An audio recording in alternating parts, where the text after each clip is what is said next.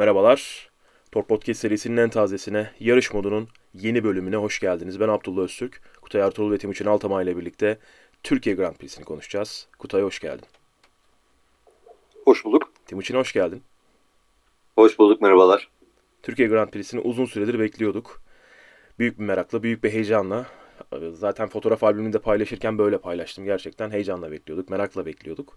Geçtiğimiz yıl yerinde takip etme fırsatımız olmamıştı. Gidememiştik, görememiştik ama bu yıl ben ve Timuçin gidip yerinde görme, araçları yakından görme şansını bulduk. Uzun süre sonra. Çünkü turbo hibrit çağa geçildikten sonra Formula 1 Türkiye'ye gelmemişti. Haliyle de araçları hani bazen getiriyorlardı işte alışveriş merkezlerinde şurada burada gösteriyorlardı gösteri aracı olarak neye benzediğini görüyorduk ama pistin üzerinde görmek, gazlarken görmek bambaşka bir şey. O yüzden bizim için özellikle de önümüzdeki yıl öncesinde, önümüzdeki yıl tamamen değişecek araçlar öncesinde bu araçları, bu 10 yıllık periyodu kaçırmamış olmak, daha doğrusu 8 yıllık periyodu kaçırmamış olmak da bizim açımızdan güzel oldu. Timuçin, ilk izlenimin nedir? Ee, yeni araçlarla alakalı, Formula 1'in şu andaki araçlarıyla alakalı uzun süreden sonra ilk kez gördük çünkü. Şimdi Cuma günü ilk antrenmana çıktıklarında e, aldığım hazdan sonrasında aklıma sadece şu geldi. 2011'deki araçlarla nazaran hani o ses şeyi vermiyor. Evet. E, 2011'de falan çünkü direkt göğsüme geliyordu. Ben 2011'de mesela e, kulaklık takmamıştım. E, kulaklık acı takmamıştım hakemken. Ertesi gün kulaklarım çınlamıştı. Hani komple bir uğultu vardı kulaklarımda. Ama bunda hiç kulaklığı yani o kulaklık acı takmaya hiç gerek olmadığını öğrendim. Hı hı. Ondan dolayı sıkıntı yoktu. Ee, yani çok hoşuma gitmedi aslında ama araçların hızları fazla. Yani sesi yok ama daha hızlılar. Böyle garip bir değişiklik olmuş. Araçları uzun zaman sonrasında tekrardan canlı gözle görmek de büyüleyiciydi. 2011'de nerede görev yapmıştın sen? Hangi bölümdeydin? Hani bu sene Zafer Eski neredeyse geçen 2011'de de oradaydı. Ben de onun yanındaydım. Yani bir nolu birinci, kuledeydim. birinci kuledeydin yani. Tamam. Bir nolu kuledeydim. Tamam. En güzel yerdeydim herhalde. Tamam. Duysunlar diye söyledim. Ee, herkes, Teşekkürler sağ ol. herkes de bilsin diye söyledim. Ee, bu- Aynen aynen. 2011'de Damalı'yı sallayanın yanındaydım diye. Evet. Yani çünkü Damalı'yı kimseye vermez o. Daha önceki seanslarda sen salladın ama yarışta değil ama önceki seanslarda tabii salladın. GP, GP2 bendeydi. Sağ olsun teşekkür ediyorum kendisine eğer dinlerse. Antrenmanlarda Zafer- Antrenmanlarda ve GP2'de sağ olsun bana bırakmıştı Damalı'yı. Ee, ama eğer yarışa denk geldiği zaman dedi ki kenara çekil artık. Şov benim dedi. Evet, Tabii yarışta, ki şovu ona bıraktık. yarışta Damalı'yı Zafer Eski sallıyor. Bu yılda e, yeniden Zafer Eski'ye Damalı'yı te- teslim etmeleri iyi oldu, güzel oldu. Geçtiğimiz yıl o konuda sessiz kalmıştık. Yani- bir şey söylememiştik ama Aynen. özellikle sessiz kalmıştık yılki- zaten. geçtiğimiz yılki yani kusura bakmayın benim görüşüm fiyasko. Evet. fiyaskodan sonrasında tekrardan Zafer Eski'ye dönmesi yani sırf bizim için değil mesela Serhan Acar tarafından bile Zafer Eski'ye yani şey e, damalı elleri test, doğru elle teslim diyerekten hikayeyle paylaşıldı. Yani Serhan Acar bile bunu söylüyorsa yani kimse şey yapmasın e, alınmasın diyorum. Aynen öyle. Doğru karar buydu. Yeniden Zafer'in Damalı'yı sallaması. Normalde aslında diğer ülkelerde işte ünlüler sallıyor. O pistin bir görevlisi veya işte bir başka birisi sallıyor ama bizde gerçekten bu işi yapan e, profesyonel bir hakem sallıyor ve çok da güzel sallıyor zaten. O 8'i yukarıda yapması tam araç, araç geçerken oradan aşağıya indirmesi. Geçtiğimiz yıllarda da özellikle F1'in bir fotoğrafçısı vardı. Şu an ismini hatırlamadığım. O fotoğrafçı geliyordu tam damalı öncesinde. Tam araç aşağıda, e, damalının çubuğu aşağıda, bayrak üst tarafta. Hani çünkü yukarı 8 yapmış ve aşağıya doğru hızlıca indirmiş. Tam o kareyi yakalıyorlardı. Senelerce aynı kareyi verdiler. Eğer bulursak paylaşırız hikayeler. GP2'de benim de var. Öyle mi? Ha, güzel. Evet GP2'de benim de var. güzel. Sağ olsunlar. Güzel. Kutay, e, gelip yerinde izleyemedin. Bazı lojistik sebeplerinden do- dolayı gelemedin. Yerinde izleyemedin Formula 1'i. Ne diyorsun dışarıdan bakan birisi olarak Türkiye Grand Prix senin için nasıl geçti? Ee, bence keyifliydi, güzeldi. Ben bu sefer ilginç bir şekilde kuru olsun istedim. Çünkü bir kere de kuruda izleyelim istedim ama olmadı. Değişik bir zeminde koşuldu bence. O o tarafa konuşuruz zaten de. Ee, dışarıdan e, değişikti. Ee, ben cumartesi yani şöyle bilmeyenler için Cuma günü Erzurum'dan bir e, 4x4 araç satın alındı Datça'da bir ekip için. E, Erzurum'dan Datça'ya e, yaklaşık bir 24 saat süren, uçaklarıyla uçaklarıyla toplamda 35 saat süren bir e, operasyon gerçekleştirdik diyeyim. Hayatımda görmedim coğrafyalar gördüm. O açıdan güzeldi. İstanbul'a gelebilirdim ama e, aynen dediğin gibi bazı lojistik sebeplerden gelemedim. ama şey ben, ben hep söylüyorum. Ben bu işin birincil meraklısı değilim. E, televizyondan izlediğim zaman daha keyif alıyorum. Bilmiyorum canlı seyretmedim açık söyleyeyim. E, ama hiç de beni çek yani şöyle 10 dakika çok hoşuma gideceğini biliyorum. Ha böyleymiş diyene kadar e, onu hala merak ediyorum. Ama ondan sonrası beni muhtemelen çok sarmayacak. O yüzden televizyondan izlemek, ne oldu, ne bitiyor, her şeyi yerinde e, an be an görmek daha keyifli geliyor diyebilirim. E, ama keyifli yarış. E, en azından bu sefer orta bölümleri bile e, izleyebildim. Böyle çok telefona elim gitmedi. Benim için önemli olan odur. Hani ne izlersem izleyeyim. Eğer elim telefona gitmiyorsa güzeldir. E, bu sefer çok telefona gitmedi elim. Pistin geçtiğimiz yıl zemininin değişmesinin ardından 2020 Türkiye Grand Prix'sinde zemin oldukça kaygandı. Çok zor bir zemin üzerinde pilotlar tutunmayı sağlamaya çalıştılar ama pek de sağlayamamışlardı. Önce cuma sonra cumartesi günü bayağı yakınmışlardı ama pazar günü senenin en iyi yarışını e, ortaya koyduktan sonra hava şartlarıyla birlikte yarıştan sonra yarışın öncesinde şikayetlerini belirten ne kadar adam varsa pilotlar dahil, takım görevlileri dahil herkes çok da güzel bir yarış olduğunu Formula 1 yönetimi de aynı şekilde söylemişti. Bu yıl yarıştan 3 hafta önce Almanya'dan getirilen bir araç ve bir ekiple birlikte pistin üzerindeki bütün o bütün tabakasını ve bütün tozu, her şeyi tamamen temizleyen bir operasyon uygulandı. Pistin zeminine ve pilotların da söylediği, birçok kişinin takip eden herkesin gördüğü üzere şu anda şampiyonadaki en iyi zemin oldu bir anda. En yüksek tutunmayı sağlayan, araçların yere adeta yapıştığı zemin oldu.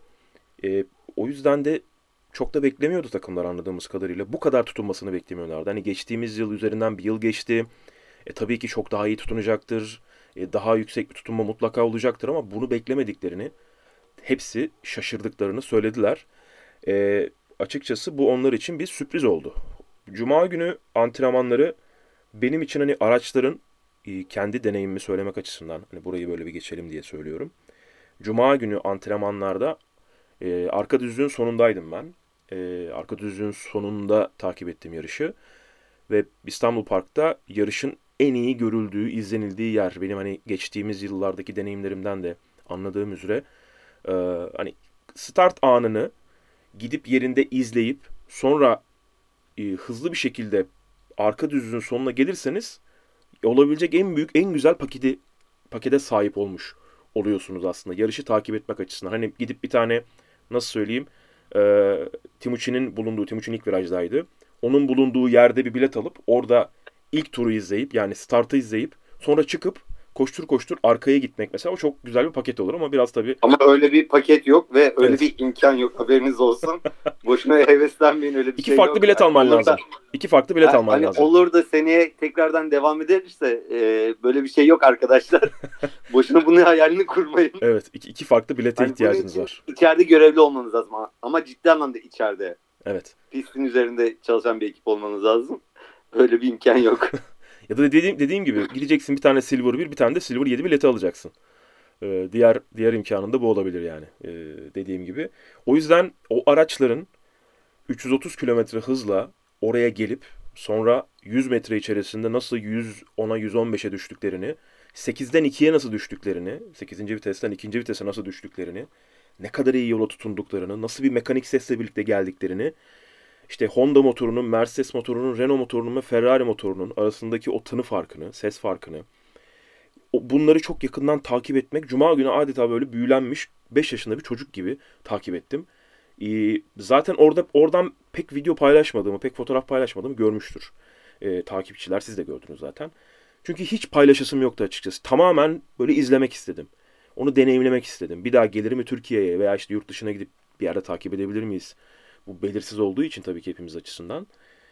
Bu orada onu yaşamak istedim. Çünkü çok böyle büyülenmiş bir şekilde, çok böyle gerçekten mest olmuş bir şekilde Cuma günü özellikle kuru havada, tamamen kuru olan havada özellikle ikinci antrenman seansında iyice e, birazcık daha tabii ilk antrenman seansındaki o çok az tabii ki kauçuklanma bir antrenman. Bir saatlik seansta öyle bir yüksek kauçuklanma olmaz ama pistin yüzeyinde.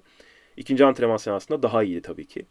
Daha da piste alışmışlardı. Zaten e, çok zorlanmadılar e, piste alışma konusunda. Hem geçen sene önemli bölümü buradaydı pilotların. Onun dışında da tabii ki e, daha önce simülasyonlarda, farklı yerlerde pisti bir şekilde deneyimliyorlar. E, pistin yüzeyi de çok iyi olunca hemen piste çıkar çıkmaz zaten e, Lando Norris, işte Sainz, Hamilton'da hani yüzey çok iyi. Verstappen de söyledi. Zemin çok iyi dediler. Çok şaşırtıcı şekilde. O açıdan benim deneyimim buydu. Çok etkileyici etkileyiciydi benim için. Gelelim cumartesi gününe. Ee, Timuçin Hamilton motor değiştirdi. Daha doğrusu içten yanmalı bölümünü değiştirdi. Ve 10 sıra grid cezası aldı. Ee, Bildiğiniz üzere e, dinleyenler motorun her komponentini değiştirdiğiniz için, değiştirdiğinizde ilk komponent için 10 sıra, sonra her değiştirdiğiniz yeni komponent için 5 sıra ceza alıyorsunuz. 5 tane komponent var motorda değiştirebileceğiniz. Bir tanesi içten yanmalı bölüm, bir tanesi egzoz ısısını çeviren, bir tanesi frenlemeyi e, bataryaya çeviren, yani güce çeviren bölüm. Biri elektronik, diğeri de batarya. 5 tane komponent. Bunlardan hangisini değiştirirseniz e, izin verilen sayının üstüne çıkarsanız ceza alıyorsunuz. Hamilton sadece motoru değiştirdi. Diğer sistemlerde sorun olmadığını söylüyor. Zaten Mercedes'in de sorun yaşadığı bölüm, e, daha doğrusu önde olduğu bölüm diğerleri. Yani hibrit sistemde çok iyi Mercedes. E, 10 sıra ceza aldı sıralama turlarında Hamilton, Timuçin. Ve pol pozisyonu, aslında şunu sormak istiyorum. E, pol pozisyonunu Bottas kazandı dediler. Ama lastiği Hamilton'a verdiler. E, Hamilton gitti içeride ilk üçün bir numarası olarak konuştu. Ee, yani zaten Verstappen dedi ki hani sordu Hamilton. Dedi ki kaydedilmedi mi bana pol olarak dedi. Hayır dediler. Aa o zaman dedi hani böyle bir bir şey yaptı orada. Üzüldü birazcık da. Pek üzülmemiştir de. Çünkü yüz küsür tane var çünkü. Max da dedi ki çok saçma dedi. Ben bunu anlamıyorum dedi. Ne diyorsun buna? Ee, şöyle bir saçma geliyor bana. Şundan dolayı e, her zaman diyoruz ya en hızlı turu kim attıysa Polo'nun olmalı.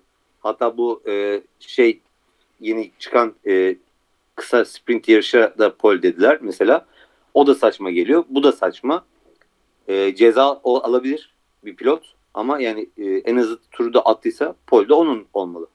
Kutay ne diyorsun? Tam olarak Timon'un dediğine katılıyorum. En hızlı tur kiminse Polo'nundur. Ee, sonrasında e, ceza aldıysa da almıştır. Yani onun bir şey etkilemesi bence de gerekmiyor. Aynen öyle. Ben de bunun yanlış olduğunu düşünüyorum. Sıralama turlarında Bottas, Verstappen, Leclerc üçlüsü şeklinde sıralandılar. Arkalarında Gasly vardı. Onların peşinde Alonso vardı. Alonso'nun 5. sırada olması aslında Kutay e, birçok kişi açısından sürprizdi. Hani bir, biraz sürpriziz tabii ki Alpine'in yukarıda olması. Perez'i geride bıraktı. Norris'i geride bıraktı. E, hani Mercedes'in destek verdiği takımları geride bırakıp özellikle 5. sırada olması da beşincilik performansına sahip olması sıralama turlarında güzeldi. Ama ilk turda, ilk başta hemen yarışa geçelim. Gazi'nin temasıyla birlikte spinini attı Kutay. Alonso orada bir e, üzülme oldu mu sende? Ben ufak bir sövdüm orada. Ee, ama o da şey. Yani Gazli'nin gerçekten hatası yok. Orada ilk, ilk başta Alonso da tepki veriyor ama yarıştan sonra zaten yarış kazası diyor. Al- ceza almaması lazımdı diyor. Kesinlikle katılıyorum. O Alonso'nun hani hep diyoruz ya startlarda nasıl bu kadar yükseliyor bu adam diye. Agresif hareketleri sayesinde yükseliyor. Başka türlü zaten mümkün değil. Orada da agresif hareket etti. Gazi çok doğal olarak onun önünü kapamaya çalıştı. Ya yanına da bir araç daha girince e, Alonso'ya gidecek yer kalmadı. Belki temassız kurtarabilirdi ama yani o hani hep diyoruz ya kameralardan kolay gözüküyor ama orada o aracın içinde e, Gazli'nin Alonso'ya yeteri kadar yer vermesi çok mümkün gözükmüyor. E, dolayısıyla kısmetsiz ama işte eğer oradan çıkabilseydi bir anda yine Alonso inanılmaz bir start aldı diyecektik. Bu sefer olmadı. E, bu arada sıralama turlarıyla alakalı Mick Schumacher'de bir e, övmek lazım bence. 14 çok iddialı hasla. Evet, evet etkileyici performans. Zaten herkes sevindi Q2'ye kalınca. İlk tur temasını, Alonso'nun yaşadığı teması Timuçin sen ne diyorsun? Nasıl değerlendiriyorsun? O kısmı canlı bir şekilde görebildim. Tam evet, tam olarak senin önünde oldu. Ee, sonrasında tabii canlı olarak gördüğünüzde olayı tam olarak idrak edemeyebiliyorsunuz. Çünkü çok hızlı aksiyonlar oluyor. Sonrasında televizyondan izlediğim kadarıyla orada hiçbir sıkıntı yok. Orada Gazi'ye ceza verdiler. Bence yapılan en saçma bir şeydi. Çünkü Gazi ilk başta içeriye doğru kapanıyor ama içeriye Perez girince mecburen biraz dışarıya taşmaya çalışıyor ki kendi dönebilsin diyerekten. Ama o reaksiyon zamanında yanında Alonso'nun olduğunu tam olarak görmüyor. Ee, ondan dolayı da Alonso'ya temas ediyor ve Alonso spin atıyor. Bence çok doğal bir yarış kazasıydı. Çok büyük bir ceza yani ceza olmasını gerektirecek bir şey değildi. Kaza değildi. Evet, orada birazcık işte tartışılan nokta aslında ceza verilip verilmemesi konusu. Yarışta sizin de söylediğiniz gibi birazcık Alonso sinirlendi bu temastan sonra çünkü yarışı mahvoldu orada.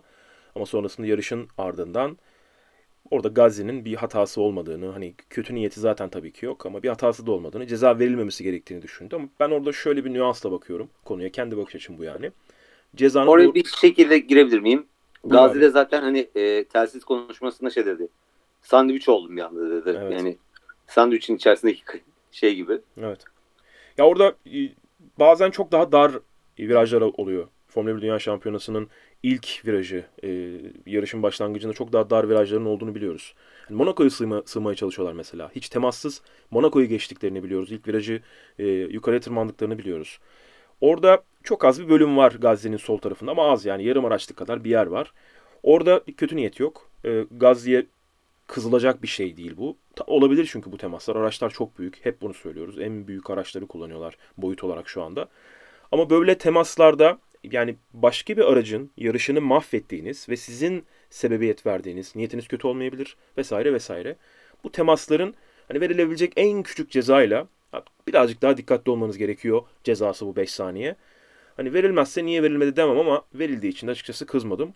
Alonso'nun yarış sonrasındaki yaklaşımını da işin doğrusu beğendim, sevdim. E, Mick'le yaşadığı temastan sonra da çünkü e, gidip Mick'ten özür dilemesi, sarılması ve Mick'le alakalı söyledikleri falan herkesin gönlünü Alonso bu hafta sonu Türkiye'de fethetmiş oldu yeniden.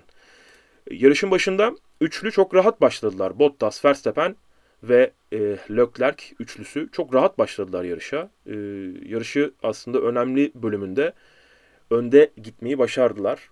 Çok yakındı. Farklar açılmadı çok fazla. Bir ara Bottas'ın birazcık farkı açtığını gördük ama hani o saniye farkını yayını takip etmedim ben. Zaten internette girmek mümkün değildi. E, cumartesi ve pazar günleri. Denemedim de sonra. Yarışın başında bir denedik acaba girebilir miyiz diye.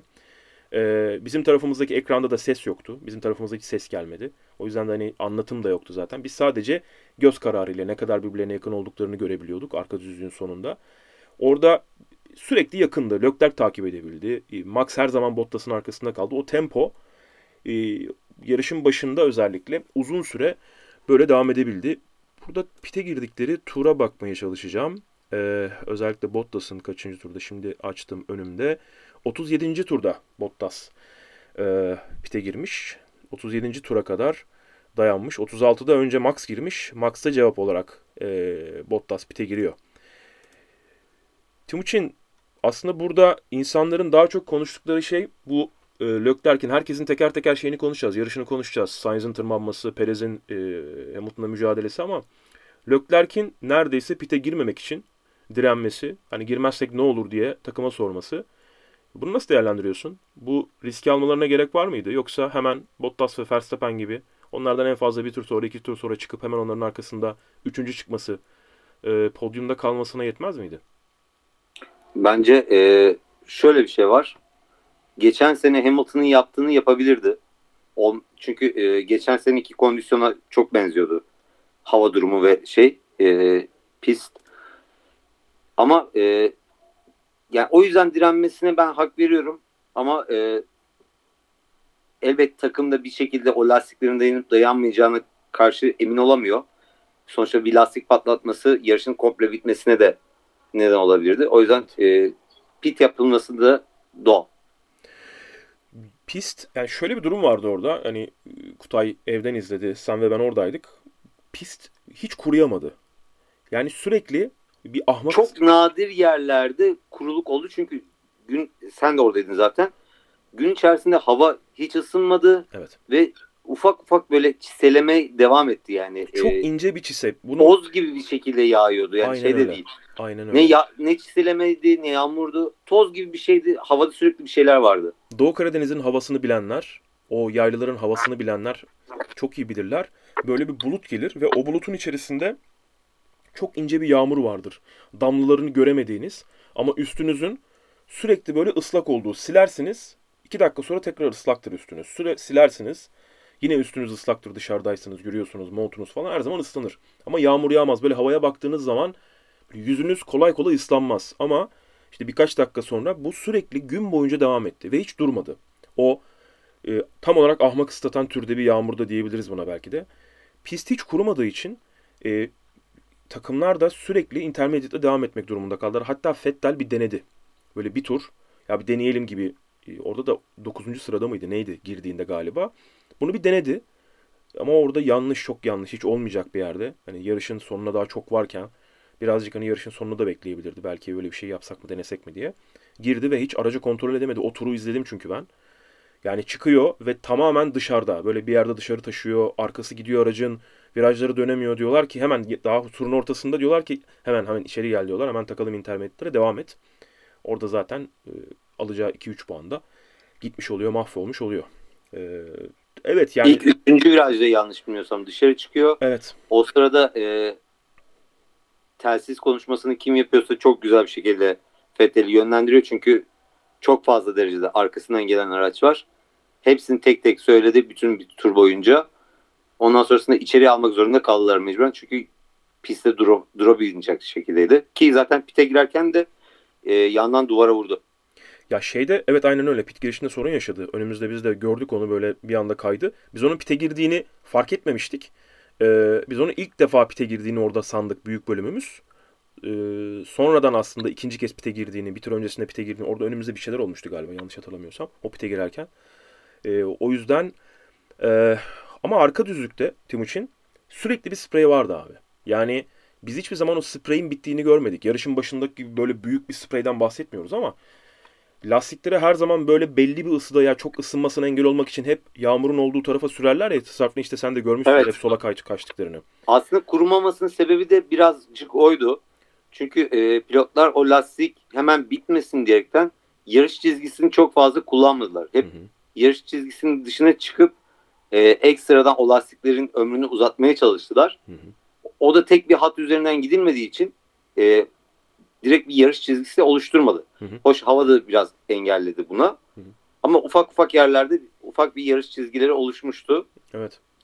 Bazı Keşke yerlerde yarış- bazı yerlerde pistin eğim olduğu için yani herkes biliyor eğimli bir piste sahip olduğumuzu. O eğimli bölümlerde direkt yarış çizgisini kullanmak durumunda kaldıkları yerlerde dediğin gibi hakikaten böyle bir teker izi oluştu. Lastik izi oluştu. Evet ama işte arka düzlük mesela veya start finish düzlüğü ya hiçbir yerde kuruma görmedik. Biz o son virajda E, 12. bu sırada virajda biz hiç- bu podcast'i bir gün sonrasında çekiyoruz. Yarıştan bir gün Evet. sonrasında. Keşke yarış bugün olsaydı dedim. değil mi kuru olurdu. Evet. hava hava ya böyle olması gerekiyormuş demek ki. O yüzden e, yani bu konuda çok da çok da fazla bir şey söylemeyeceğim. Onu demeye çalışıyordum. Arka düzlükte sen Kutay sen de yarışta görmüşsündür. Start finish düzlüğünde sola doğru gittiklerini, arka düzlükte bazen yine sol tarafa doğru e, düzlüğün sonuna doğru lastiklerini çok fazla çünkü lastikler çok fazla ısındığı zaman hemen aşınma, aşırı bir aşınmayla karşılaşıyorlar. Özellikle bu intermediate'larda. Zaten hepsinin yüzeyinin e, sıfırlandığını, o konu lastiğinde artık yanıklar oluştuğunu da herkes gördü. Yarışı takip eden herkes gördü. Sonrasında da görmeyenler için biz hikayede Ya fotoğrafı... orada şöyle bir şey var. Ee, senin de anlattığın gibi o e, yağmıyor ama yerler ıslak muhabbeti e, sürekli şeye beklediler. Hani ne zaman o e, çizgi artık kuruyacak. Çünkü yağmur yok. Hı hı. Yağan bir şey yok. Çizgi kurumuyor. E şimdi onu beklemek zorundalar. Çünkü işte 20. turda atıyorum e, pite gelseler ve 25. 30. turda orası kurusa bu sefer boşa bir pit olacak o. E, bunu bekle, bekle, bekle, bekle. Kurudu mu, kurumadı mı? Telsiz konuşmalarından sürekli oydu. Çizgi var mı?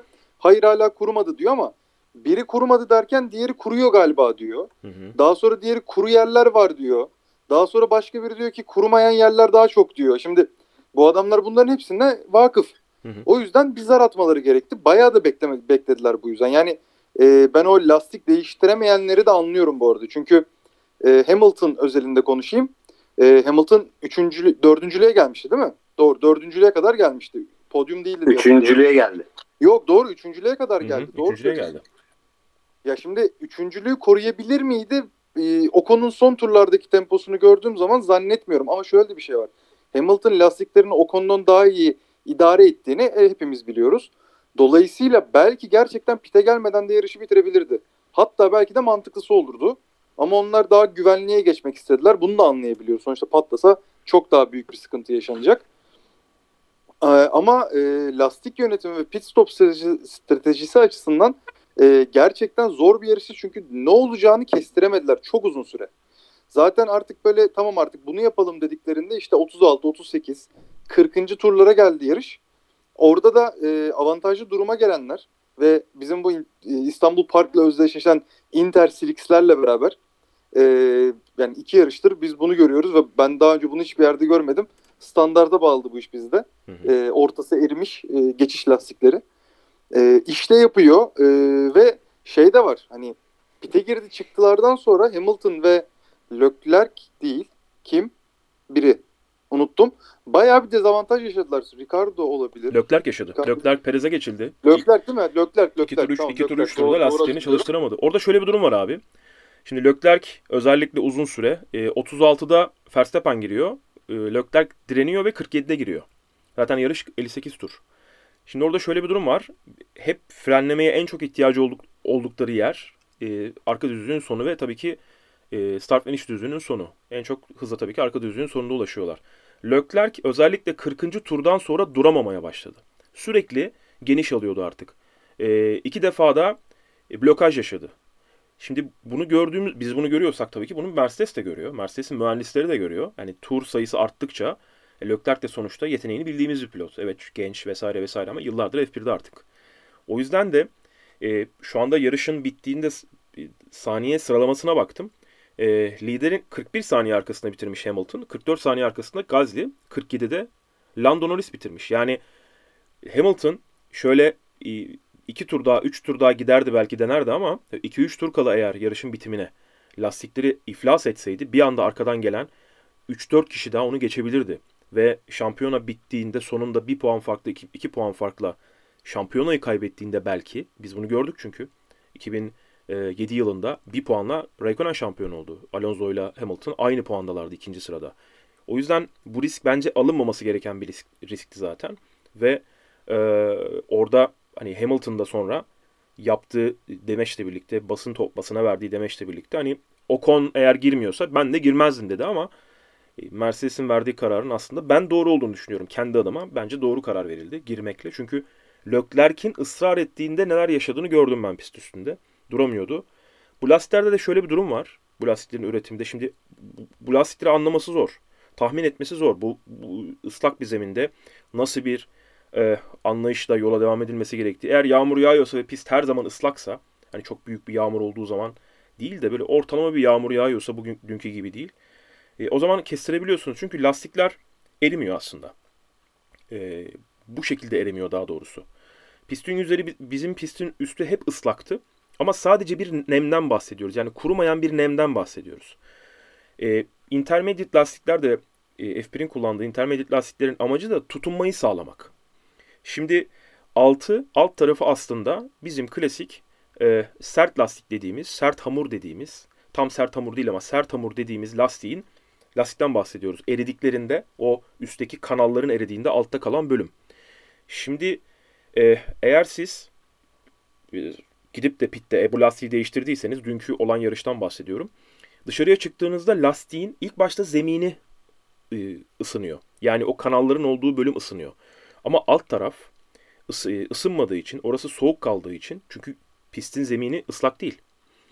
E, orası fazla soğuk kaldığı için ya da iki tarafın arasındaki ısı farkı çok büyük olduğu zaman bu sefer de ufalanma başlıyor. Çok yüksek ufalanma. Hamilton da bunu zaten çıktıktan sonra bir tur sonra söyledi bunu. Bir tur ya da iki tur sonra e, telsizden söyledi. Kaçıncı sıradayım? Beşinci sıradasın dediler. Ya şu an çok fazla eriyor bu lastikler ve ben size bunu söyledim dedi. E, verilen karar doğruydu ve bunu herkes yaşadı. Pite girip çıkan herkes bu erimeyi yaşadı. Çünkü çareniz yok. Lastiği değiştirmek zorundasınız. E, yabancıların yazdığına yani Formula 1'in ta, Formula 1'i takip eden, yorumlayan eski yarışçılar olabilir ya da işte gazeteciler olabilir. Yazdıklarına baktığımda da açıkçası hiçbiri tahmin edememiş. Yani kaçta girmeleri lazım, kaçta girseler doğru olur. Bunu kimse tahmin edememiş. O kadar böyle e, tahmin etmesi zor koşullardı ki her anlamda takımlar içinde. E, sadece orada Verstappen'in attığı zara Bottas hemen cevap verdi ve liderliğini korudu. Bu kadar. Yani olan şey bu oldu. Onun dışında yarışın içerisinde arkada sürekli bir şeyler değişti. Gelelim Perez'in yarışına. Ee, Perez yarışa iki sıra yükselerek başladı Timuçin. Ee, sen de sonra galiba yarışa baktın. Ve aslında Perez'den beklenen şey Hamilton'ın arkasında tutmasıydı. Yani Hamilton yukarıya bir şekilde yükselecek, öndekileri geçecek. Ve Perez'in arkasına geldiğinde Perez acaba Hamilton'ı tutabilecek mi? Ya da tutması gerekiyor. Bunu ne kadar başarabilecekti? Perez'den beklenen şey. Sen onun performansını nasıl değerlendiriyorsun? Özellikle arka düzlüğün sonunda yaşadıkları kapışma. Ya Perez bence hayatının yarışını yani Red Bull'daki hayatının yarışını çıkarmış olabilir. Ee, elinden gelenin daha fazlasını yaptığını düşünüyorum. O e, Hamilton'la olduğu mücadeleyi sordun galiba yanlış Evet. anlamadıysak az Evet. önce.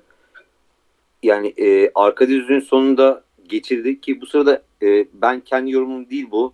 Başkalarından duydum. Tribünde net bir şekilde izleyenlerden duydum.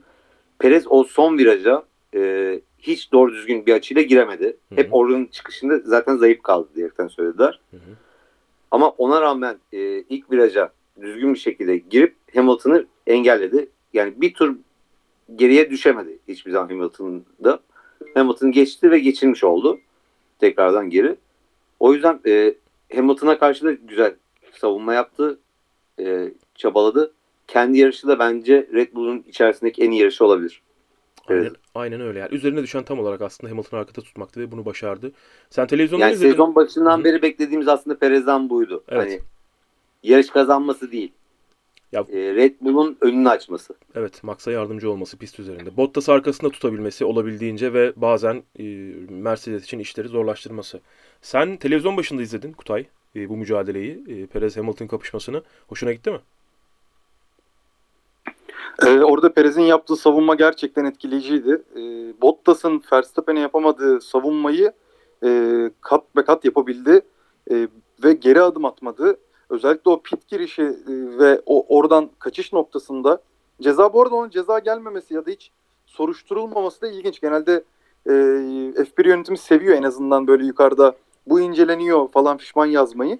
Hiç ona girmediler bile ki gerçekten e, Perez'in orada yapabileceği başka hiçbir şey yoktu.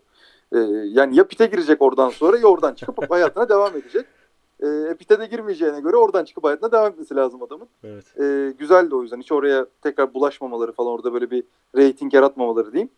Ee, ama Perez'in savunması ve oradaki mücadelesi gerçekten niye Red Bull'a geldiğini e, gösterdi. Zaten bu yarış sonunda da Helmut Marko'nun e, gülümsemesi ve her yere neşe saçması e, Perez açısından olduğunu düşünüyorum ben. Verstappen zaten bekleneni yaptı.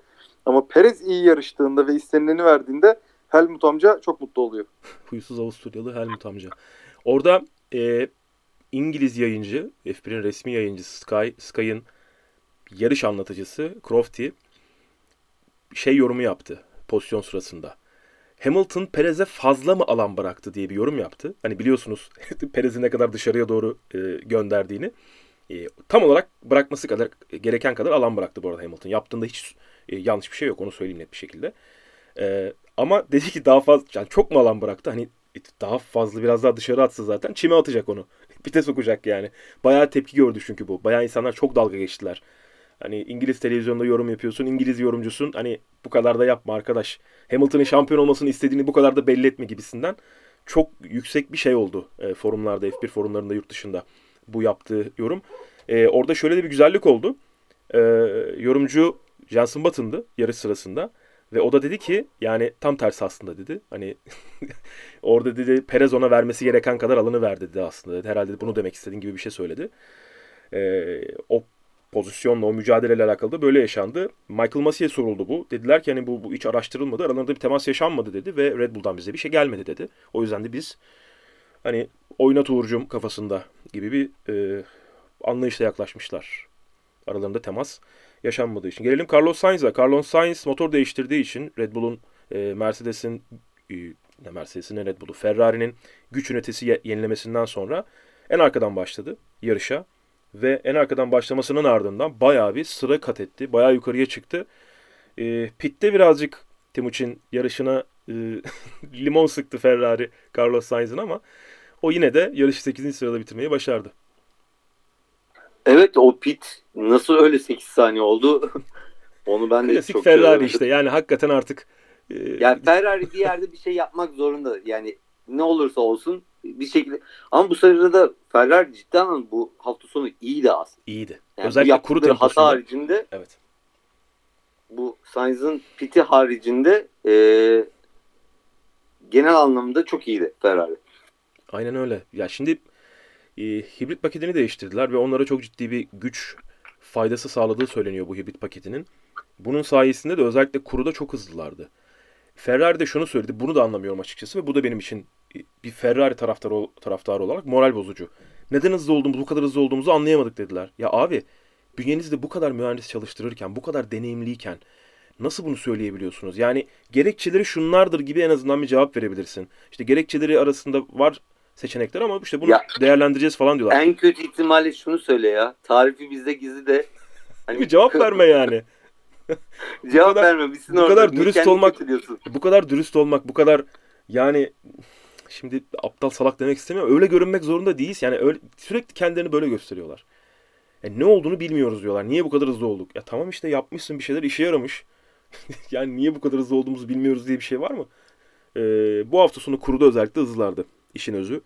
Red Bull bu hafta sonu e, hani kötü olan versiyonları bile 2-3 oldu şimdi baktığımız zaman. Birçok kişi e, yorum yaparken, yazısını yazarken özellikle yurt dışında Red Bull'un bu hafta sonu zorlandığını, özellikle kafadan kaydığını, e, İstanbul Park gibi yüksek hıza sahip virajlara, yüksek hıza sahip virajlarla dolu bir pist, özellikle tutunma çok yüksekse bu Red Bull takımının aracının sevdiği bir şey değil. Bu tamamen aslında bu pistin Mercedes'e dönmesi anlamına geliyor. Önden kayma eğilimine müsaade eden tasarıma sahip zemin ve pist tasarımı ile birlikte. Ee, bir araya gelen bir bu paket genelde bu tür paketler genelde Mercedes'e yarıyorlar. Sezonun geri kalan bölümü için e, bu tarz bir pist kalmadı artık. Yani hemen Mercedes'in avantajlı görüleceği, Mercedes'in yarışa daha hiç ilk antrenmandan antrenman öncesinde bile avantajlı şekilde başlayacağı bir pist yok. Geriye şu anda 7 yarış kaldı yanlış hatırlamıyorsam. Bu 7 yarıştan hiç Ya yanlış bilmiyorsam Austin de bu tarzda biraz uyuyor yani. Bir sonraki Amerika'da biraz Mercedes'e uyuyor diye biliyorum yanlış bilmiyorsam. Ama ondan sonrası da için dediğin doğru. Ee, işte orada da orada da söyledikleri pistin zemininin e, çok da fazla Mercedes'in hani önde olmasına yardımcı olmayacağı yönünde. Bir de Austin'de şöyle bir problem var. Onu da hani sen Austin demişken bir cümle söylemiş olayım. Geçtiğimiz hafta MotoGP yarışı yapıldı ve Austin'in geçtiğimiz sene özellikle hepiniz hatırlarsınız. Start finish düzünde tırmandıkları bölüm var ya orada araçlar yere böyle çarpıyorlardı. Orada bir vibrasyon vardı. Asfaltta e, böyle bir nasıl söyleyeyim e, bükülme vardı ve orada araçlar çok fazla e, hareketleniyorlardı. Çok fazla zıplıyorlardı yolda. Orada bir asfaltlama çalışması yaptılar. E, start finish düzünün ortasından ilk virajın sonuna kadar. Bu sefer de e, birinci virajdan kaçıncı virajdı? Galiba üçüncü sektörün sonuna kadar olan bölümde ciddi bir bozulma oldu. Ve MotoGP pilotları yarıştan önce dediler ki biz burada yarışmak istemiyoruz. Bayağı isyan ettiler.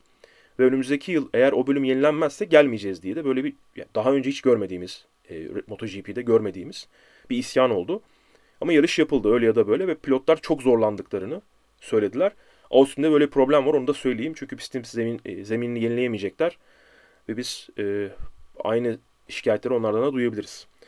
E, işte sezonun geri kalan bölümü aslında Red Bull için avantajın olduğu ya da en azından Mercedes'in buradaki gibi avantajının olmadığı bir e, artık takvim geri kalan yarışlar. O yüzden Mercedes hafta sonunda başladığı andan itibaren o kadar hızlıydı ki. Yani Timuçin sen de görmüşsündür. E, ilk virajda özellikle ne kadar seri olduklarını. Ben de arkada gördüm. O kadar hızlılardı ki ve o kadar hızlı uyum sağladılar ki e, Max'ın ve Perez'in özellikle son viraja gelirken yavaşlama konusunda temkinli olduklarını gördüm. E, Max bir noktadan sonra çizgi tutturdu. Ama Perez senin de söylediğin gibi farklı çizgi denemelerine girişti. Çünkü frenlemede özellikle e, kafanın dışarıya açıldığını hep görüyordum. E, Max biraz daha tutturmayı başardı. Bir çizgi tabii ki yetenek farkı var haliyle. E, Max da özellikle Red Bull'un araç tasarımı aracın arkasının bu Max için böyle olan bir durum tabii ki. Max bunu sevdiği için aracın arkasının biraz daha gezme eğiliminde olduğu, gezme meylinde olduğu bir tasarım. İstanbul Park gibi e, bu kadar tutan bir pistte bunu yaşayamadılar. Bu istedikleri gibi olmadı ve yarışta bir kere bile e, Max'ın Bottas'a yaklaşma de, isteğinde olduğunu bile görmedik. Hiç bunu denemedi bile. Hiç bunun için zorlamadı bile. Sadece ve sadece lastiklerini korumaya çalıştı. Yarış içerisinde bir şans gelirse bunu e, değerlendiririz diye düşündü aslında Max Verstappen de ve aslında 2-3 onlar için çok iyi bir sonuç bu pistte. E, Hamilton geride kaldı. Bu kadar kendilerine uymayan bir pistte 2-3 oldular. Ve o alabilecekleri en iyi dereceyi aldılar. İşte Leclerc'in de biraz yarışını mahvetmesiyle birlikte Perez de onun önünde kaldı. E, Red Bull'la alakalı Kutay söyleyeceğim bir şey yoksa direkt Valtteri Bottas için sözü sana vereyim. Valtteri Bottas konuş eğer Red Bull'la alakalı bir şey söylemeyeceksen. Ha, Red Bull'la alakalı bir şey söylemeyeceğim. Senin dediğin gibi alabilecekleri en iyi sonucu aldılar. Ee, 2-3. Ee, zaten Verstappen de Hamilton'ın pitinden sonra puanı farkını açtı. Daha ne ister e, Red Bull buradan? Bence bir şey istemez. Aynen öyle. Bottas. Bot, Bottas'ı hep söylüyoruz. Bottas tek turda hızlı olabilen bir adam. Genel olarak da hızlı. Yani geçemediği yegane adam. Ee, şeylere ortalama şey yapıyorum. Hani bazı pistlerde tabii ki farklı sonuçlar oluyor ama geçemediği tek adam Hamilton oluyor. Ee, önde gittiği zaman önde de gidebiliyor. Bottas'ın hep geçen podcast'te konuştuk yanlış hatırlamıyorsam en kötü özelliği agresif değil. Yani geçiş yaparken e, tıkanıyor, zorlanıyor falan falan. E, bu burada da reaksiyon süresi, starttaki reaksiyon süresi e, ekranlara geldi. Siz gördünüz mü soru izlerken bilmiyorum. Verstappen'den iyi. E, zaten temiz tarafta kalkıyor. Dolayısıyla birinciliği verecek gibi bir durum da olmadı hiç. Birinci başladı, hatasız götürdü, bitirdi. E, geçen sene 7, 7 tane spin atmıştı bu pistte ve ister istemez aklında kalmıştır. Bak ister istemez olmuştur bu. E, dolayısıyla hani öyle bir bilinçaltı da var ne olursa olsun. Hatasız bir yarış götürdü. E, zaten tribünlerin de e, biz biliyoruz e, geyiği çıkıyor hep. Biz memur severiz muhabbeti. E, Bottas'a olan ayrı bir e, sempati var. Hani hepimizde vardır bence bu. E, biraz da olsa çok da olsa. E, tribünde kalan az az sayıda seyirci Bottas Bottas diye tezahürat yaptığında e, Bottas da bir bakıyor böyle şaşırıyor. Niye Sonra şey hatta var? onlara doğru gidiyor seviniyor. Ama onun adına hatasız bir yarıştı. Bence e, gayet güzel yönetti yarışı. Ve muhtemelen hani tabii ki hala kazanabilir ama muhtemelen bu dakikadan sonra kazandığı son yarış olacaktır diye tahmin ediyorum. Kuvvetle muhtemel. Timuçin Bottas galibiyeti. Bottas'ın yarışı ne diyorsun? Öncesinde Red Bull'a şöyle bir değineceğim Buyur abi. e, ufaktan. E, özellikle cumartesi günü aracı ilk gördüğümde gözlerim kanadı. Yalan değil. Ama sonra sonra yavaş yavaş alıştım ben o araca. Ama yine de bir tam bir Red Bull havası vermedi. Onu bir değinmek istedim. Ben de çok Ee, beğendim bu abi. sırada son iki yarışta Red Bull'a uymayan iki yarıştı. Ve ona rağmen e, Red Bull'un bu aldığı sonuçlar bence onlar için e, şampiyon olurlarsa bu iki hafta onları şampiyon edecektir diye düşünüyorum. E, çünkü alabilecekleri maksimumları aldılar ve hatta bu son şeyde Max için konuşuyorum. Hamilton'a e, ekstra puan farkı atarak şey yaptı, devam etti. Eğer Max şampiyon olursa son iki yarışta aldığı puanlar sayesinde olacaktır diye düşünüyorum. Bottas'a da gelince ciddi anlamda e, Mercedes'in gücünü çok rahat bir şekilde kullandı.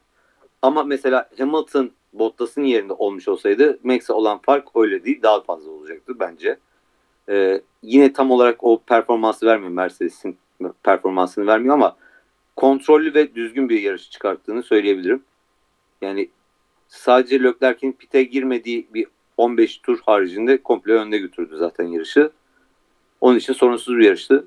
Güzel bir kullanış yap, sürüş yaptı. Senin de ilk e, birinci basamağını almış oldu böylece. Onun açısından da İstanbul'un yeri biraz değişmiş olur en azından. Aynen öyle. Bu yarış aynı zamanda Formula 1 tarihindeki hiç yarış dışı olmayan, hiç kimsenin yarış dışı kalmadığı 12. yarış oldu. 3 tanesi bu yıldan hani teknik olarak Belçika'da sayılıyor. Orada bir yarış yapılmamış olsa da Fransa, Belçika ve Türkiye bu yıldan 3 tane var. Geçtiğimiz yıl Avusturya vardı. Ee, Fransa'da ne kadar sıkıcı bir yarış zaten yani orada Evet. da birisi dışarı çıkmasın. Yani. aynen öyle. Ee, Patlaması. 2018'de Çin vardı. 2016'da Çin ve Japonya vardı. 2015'te yine Japonya vardı. İşte 11'de e, Avrupa Grand Prix'si vardı. O Avrupa Grand Prix'si Valencia olabilir. Cadde pisti tam emin değilim. Ee, yani 12. yarıştı ve İstanbul Park'taki zor koşullarda bu yağmurlu havada olmasına rağmen işte pistlerin Nikita Mazepin falan filan gibi adamlar olmasına rağmen bir yarış dışı olduğunu görmedik. Kimse yarış dışı kalmadı mekanik olarak veya hani F1'in de aslında araçların artık ne kadar e, sağlam olduğunu, ne kadar güvenilir olduğunu sağlamlık anlamında da görüyoruz aslında.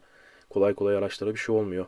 E, özellikle geçtiğimiz yıllardaki bu turbo hibrit çağın başındaki sıkıntıları artık görmüyoruz. Böyle de bir istatistik vardı. Bu hafta sonuyla alakalı. Türkiye, Türkiye Grand Prix'si ile alakalı e, vermek istediğiniz herhangi bir not var mı kafanızda? E, atladığımızı düşündüğünüz. Onun dışında çünkü sorulara geçeceğiz. Eğer Timuçin ve Kutay e, söylemek istediğiniz bir şey yoksa ben direkt sözü Kutay'a vereyim. E, gelen sorular Kutay'da. Kutay onları şöyle bir derlesin, Ya- toplasın. Buyur abi. Zaten şöyle söyleyeyim ben yarışı yerinde çok fazla izleme şansına sahip olamadım. Sadece e, 3-5 dakikalık kısa görüntülerle takıldım. Hı hı. Sonrasında oturup yarışı izledim. Hı hı. E, o yüzden benim ekstra ekleyeceğim bir şey yok. Sadece o kadar. Anladım. Söz o zaman Kutay'da. E, soruları, gelen soruları, aynı soruları vesaire derleyip abi sen e, sor bakalım neler gelmiş. Seneye olur mu? Kısmet. Zor. Şu anda e, seneye önümüzdeki yılın takviminde sadece Singapur ihtimali vardı. Singapur'un da imzalayacağı söyleniyor. Yani önümüzdeki yıl için yine bir iptal olmazsa, yine bize ihtiyaçları olmazsa bu yıl ve geçen yıl olduğu gibi şu anda hayır. Hamilton fanı değilim ama Perez'in pit yolundan dönmesi ne kadar doğruydu bunu söyledik. Son buna ceza buna ceza tekrar- verilmez. Yani o, o hani Kuka'nın solundan geçmesini söylüyorlar. Orada ortada bir Kuka vardı. E, buna ceza verilmez. Normal. Ona şöyle değineceğim ben. Buyur abi. Yanlış hatırlamıyorsam bir, bir sene öncesinde Hamilton'ı pite çağırdılar uzun süre. Tam pit yoluna girdikten sonrasında stay out, stay out diyerekten geri yolladılar. Hı hı. Geri gitti cezalık bir durum var mı dediğinde yok dendi. Hı hı. Pit duvarından ve ceza almadı zaten o yarışta. Eğer öyle bir şey olsaydı çok büyük bir e, FIA'nın üzerine baskı gelirdi. Ya orada Sıkıntı Hamilton yani. Orada Hamilton sadece pist ıslandığı için, e, lastiğe karar veremedikleri için öyle bir içeri girip dışarı çıkmıştı. E, burada bir mücadele var ve dışarıya çıkmış e, Perez. Hani neredeyse dışarıdaydı artık. E, sol tekerler çizginin üstündeydi. O yüzden Perez'e asla bir ceza verilmezdi yani. Kutay. Ha ben de mi? Şöyle sorulara bakıyordum da. Ee, tık çık çık çık. Ne sorayım ne sorayım. Ee, bu seyirci mağduriyetleri muhabbetini son toparlayacağım. O yüzden onları atıyorum şu Tamam. anda. Daha çok yarışa uygunları bulmaya Tamam, çalışıyorum. onu, onu da konuşalım en sonda. Verstappen neden Bottas hamle yapacak kadar yaklaşamadı? Buyurun. Az, az çok bahsettik ondan. Yani bu özellikle Mercedes'in e, bu yılda bu pistteki avantajı. İlk antrenman seansından itibaren Mercedes çok hızlıydı ve Red Bull ayarları bulmakta. Özellikle Red, e, Verstappen pistte ilk çıktığı andan itibaren önde tutuş yok diyordu. Yani önde istediği istediğimiz tutunmayı sağlayamıyoruz diyordu. Orada da bunu söylediğimiz zaman bununla alakalı çok mesaj geldi. E zemin tutuyor diyorsunuz, asfalt çok iyi diyorsunuz. E bu adamlar kayıyoruz diyor. Niye böyle? Bu bahsettiğimiz şey e, mekanik tutuştan bahsediyoruz. Yani bu aracın tasarım anlayışından kaynaklanan e, normalde bu kadar tutmaz e, F1 pistlerinin zeminleri. Yani böyle bir temizlik işlemi vesaire böyle bir şey yapılmaz. Geçtiğimiz yılki e, şikayetlerden dolayı bu sene riske, riske edilmedi konu.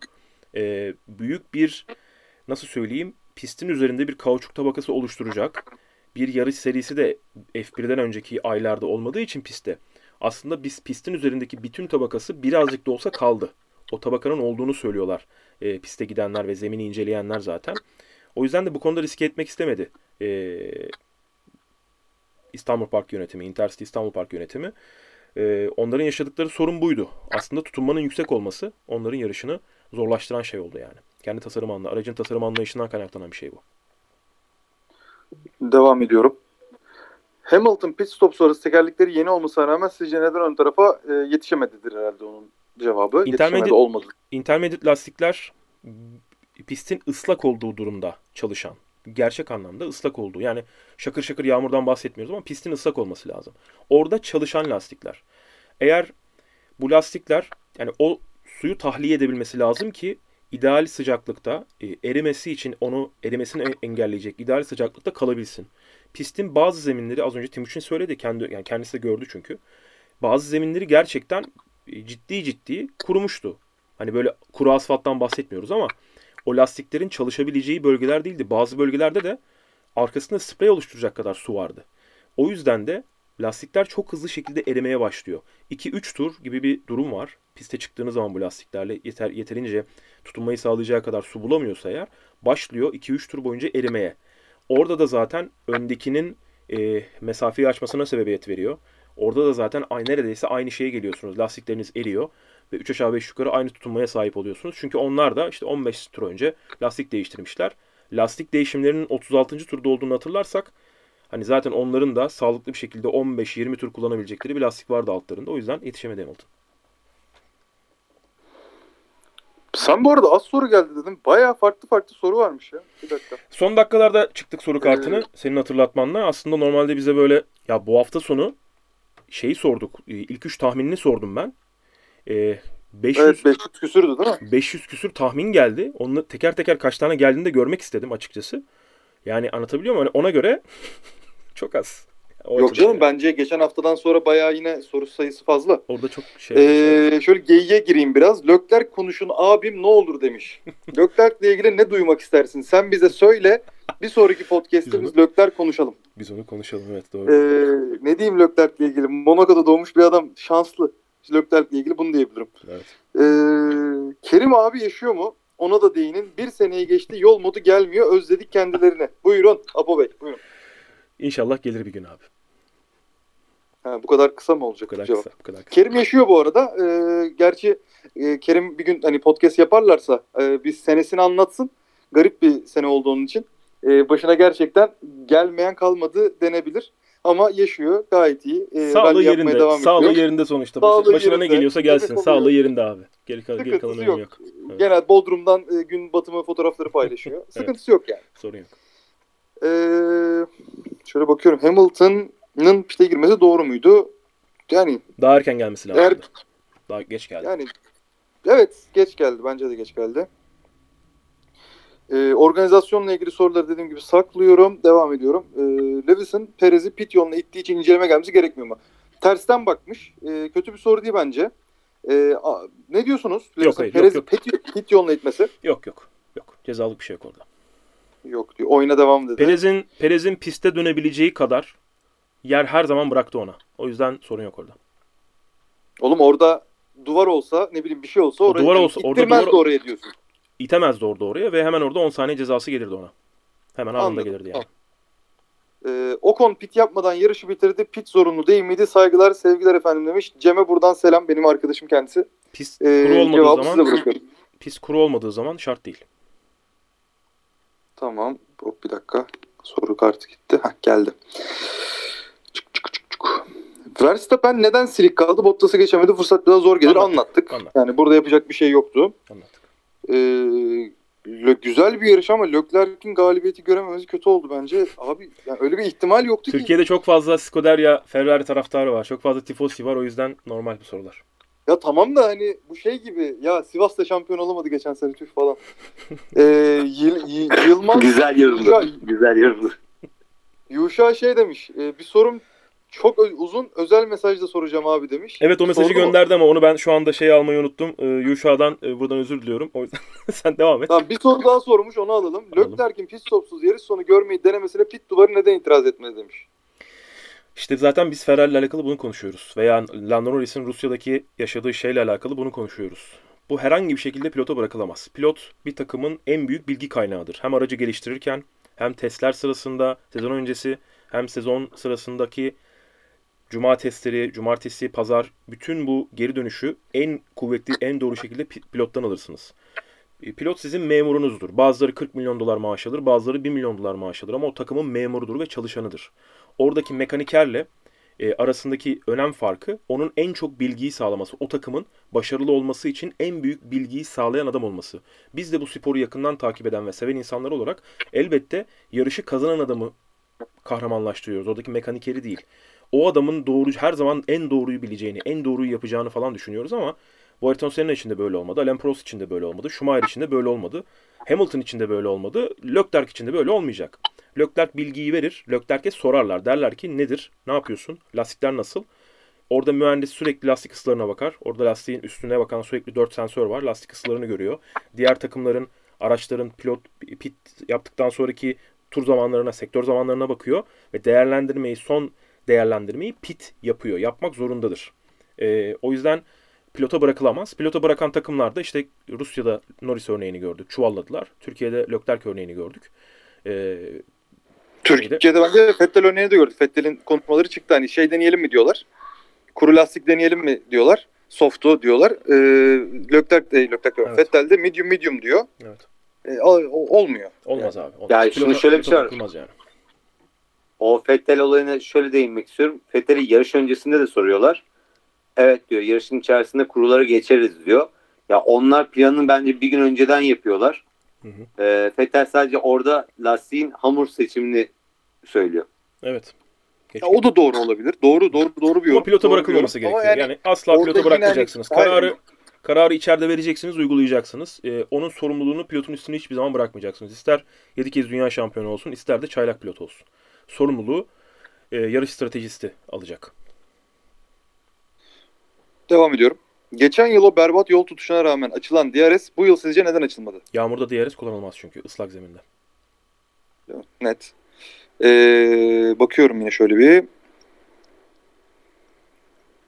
Lewis Perez'in en- mücadelesi enfesti. Sizce Lewis kazadan korkarak freni erken mi bastı? Yo, o yapabileceği her Aa. şeyi yaptı orada. Bence de deneyebileceği her şeyi denedi orada. Start finish düzlüğünün sorundaki frenlemeyi söylüyorlar. Orada sadece Perez geç frenaj yaptı bu yani. Orada e, Perez yapması gerekeni yaptı. Orada risk aldı. Çünkü en kötü ihtimal e, geç frenaj yaptığı zaman duramayacaktı. Lock up olacaktı ve ikisi birlikte ilk virajın dışına uçacaklardı. E, İşte Hamilton da o geç frenajdan dolayı daha fazla fren yapmak zorunda kaldı. Orada bir şey oldu. O yüzden biraz fazlaca yavaşladı evet, Perez'e göre. Yani çünkü güzel bir ataktı bence Perez'den gelen. evet. İyiydi. Çok iyiydi. Memura yani Bottas'a hiçbir ülkede yapılmayan desteği gösterdik. Adam çok mutlu oldu. Biz de mutluyduk. Mutlu olduk. Gibi Güzeldi. bir şey devamı onun. Güzeldi. Yani ben ona hep şöyle söylüyorum. Böyle organ ben mesela Kenan Sofuoğlu'nda onu görmüştük. Ee, Kenan Sofuoğlu'nun tam o geçiş yaptığında ana tribün ki çok az insan vardı aslında ana tribünde Superbike şampiyonasında İstanbul Park'ta yıkılmıştı orası. Hatta daha az insan olan Yiğit Timur'un e, Rallycross yarışında Yiğit Timur'un bir geçişinde yine böyle gol olmuş gibi bir ses çıktı. Evet. Ben bunu diğer sporlar için de söylüyorum. Özellikle tenis e, teniste bir Grand Slam finalinde Türk olduğunu gerçekten hayal bile edemiyorum. Evet, benim hayalim Yani zaten. Arthur Arthur Ashe'de meşaleler falan yanar. hani diyelim ki Formula 1'de günün birinde e, Türk pilot oldu. Ya Haas'la bir yarı, Haas'la bile yarışsa Evet. o ana tribünde üçlü mü çekilir? O adama yumruk şov mu yaptırılır? Hani ki, görür müyüz bunu bilmiyorum ama e, inanılmaz bir şey olur. E, dolayısıyla hani o en azından hani Türk tribün kültürünün diyeyim. Ben biliyorsun severim tribünü. E, tribün kültürünün ufak bir yansıması da olsa Bottas Bottas tezahüratı benim de hoşuma gitti. Evet. Ee, onun da mutlu yani Bottas'a denk gelmesi daha da bir hoşuma gitti açık söylemek gerekirse. Aynen öyle. Ee, bitiyor diye bakıyorum. Şöyle daha sonra organizasyona geçeceğiz. Organizasyon. Trafiğe çözüm yazmış biri. Abi onu biz nasıl yapalım? Tolga Sakal Bey. Yani isim de verdim bu sefer. Biz onu nasıl yapalım? Ben o trafikten kaçtım Datça'ya yerleştim düşün. Kerim Bodrum'da. Ee, farklı strateji denemelerinin işe yaramadığını gördük. Yağmurda Doğru, böyledir doğru. abi. Yağmurda böyledir. Yani yapacak bir Evet şey yok. evet yani risk alırsın tutarsa yani yüzde bir bile tutsa inanılmaz bir iş olur ama genelde tutmuyor. Evet. Bir şey vardı ha şu güzel şu güzel. Kazasız hasarsız 20 aracın finish gördüğü bir yarış oldu. Kanat parçası bile kopmadı demiş. Bence de bu sene bu sene e, belirli kazalar dışında öyle çok gerçekten hani şey olmuyor. Hani eskiden Formula 1 izlerken ben şunu hatırlıyorum. 30. 40. turdan sonra hani diyordum ki ya bir araba motor patlatacak bir şey olacak ya da bir amatör amatör demeyeyim de 10. sıranın arkasındaki işte birileri birilerine girecek. Yani bu oluyordu genel olarak. 3 yarışın ikisinde oluyordu. Bu sene gerçekten e, kazanın yani hatta geçen seneyi de sayabiliriz bunu. Ondan önceki seneyi hatırlamıyorum o kadar. Bu sene kazaların özellikle arka sıralardaki kazaların gerçekten az olduğunu gördük. Yani Grosjean'ın da gitmesiyle beraber hatta Magnussen'i de sayarım burada. O ikisinin gitmesiyle beraber kaza sayısında ciddi bir azalma var. Siz de bunun farklısınızdır diye düşünüyorum. Bence bu kaza olması güzel bir şey değil. Evet. Ama kaza bu işin ne diyelim e, ratingi olduğu için az kaza olması da e, bana enteresan geliyor. Timuçin bir yorum yapacak mısın abi? Kusura bakmayın bir hattan düşme oldu bende. O yüzden kaçırdım. Kaza kaza Çok olmaması artık kaza, Kaza, olmaması bu sene. kaza olmaması ya da mekanik problem yaşanmaması diyor. Artık diyor çok fazla olmuyor diyor Kutay. Ne düşünüyorsun bu konuyla alakalı? Ya evet olmayınca biraz yarış biraz sıkıcıymış gibi geliyor. Hani ufak dahi olsa temasları görmek her zaman heyecanlı. Hani bakınca yarış biraz heyecansızmış gibi oldu ama aslında pistin üzerinde de güzel geçişler de olmadı desem yalan olur. Evet Perez ve Sainz'den çok fazla geçiş gördük. Hamilton'da yaptı. Birkaç tane geçiş gördük oradan. Ya şöyle söyleyebiliriz abi artık çok fazla sensör, çok fazla işin teknolojik tarafı zirveye ulaşmış durumda. Bir yarış olduğu zaman Ee, yani özellikle takımların fabrika tarafında da bir anda bazen 50 bazen 100 bazen 150 kişi e, bir ekiple birlikte fabrikada o kendi ülkelerinde bazıları İtalya'da bazıları Fransa'da bazıları İngiltere'de çalışıyorlar. Yarış sırasında orada mühendisler çalışıyor ve sürekli bir e, motorun bütün parametrelerini izleme, işte lastik ısılarını izleme, şunu bunu izleme gibi durumlar var. Pistte de aynı şekilde bir ekip bununla bunun üzerinde sürekli yarış sırasında çalışıyor. E, bir yandan da Formula 1 Dünya Şampiyonası artık e, limit bütçe kısıtlamasına gitti ve bu yüzden takımlar özellikle olabildiğince az hasarla birlikte yarışları bitirmek durumunda olduklarını biliyorlar. E, koltuğunun sallantıda olduğu ya da diğer takımlara başka takımlara gitmek istediği hedefi olan pilotlar var. Hani şu anda koltuğu garanti diyeceğimiz, e, geleceğiyle alakalı hiçbir sıkıntısı olmadığını düşüneceğimiz 5-6 tane adam var Formula 1'de. Onun dışında e, 13-14 tane adam hani en şey ihtimalle, iyi ihtimalle koltuğunun 2 sene sonrasında ne olacağını bilmiyor. Formula 1 hayatında 2 sene sonra ne olacak bilmiyor. E, o yüzden de dikkatli olmaları gerekiyor. E, dikkatli sürmeleri gerekiyor. Temiz kullanmaları gerekiyor. Bunun da farkındalar. E, bir yandan da pilotlar kendi aralarında şunu hep konuştuklarını biliyoruz. Özellikle e, artık abi figürü olan adamların sayısı da hani Formula 1'de şu anda var baktığımız zaman. İşte bir Alonso var, Vettel var, Hamilton var. Deneyimli pilotlar var ve onlar da diyorlar ki hani sakin. En azından ilk turu, ilk virajı temiz dönmek önemlidir. İlk turun temiz tamamlanması gibi bir e, şey anlaşması var. E, centilmenlik anlaşması var aslında az çok.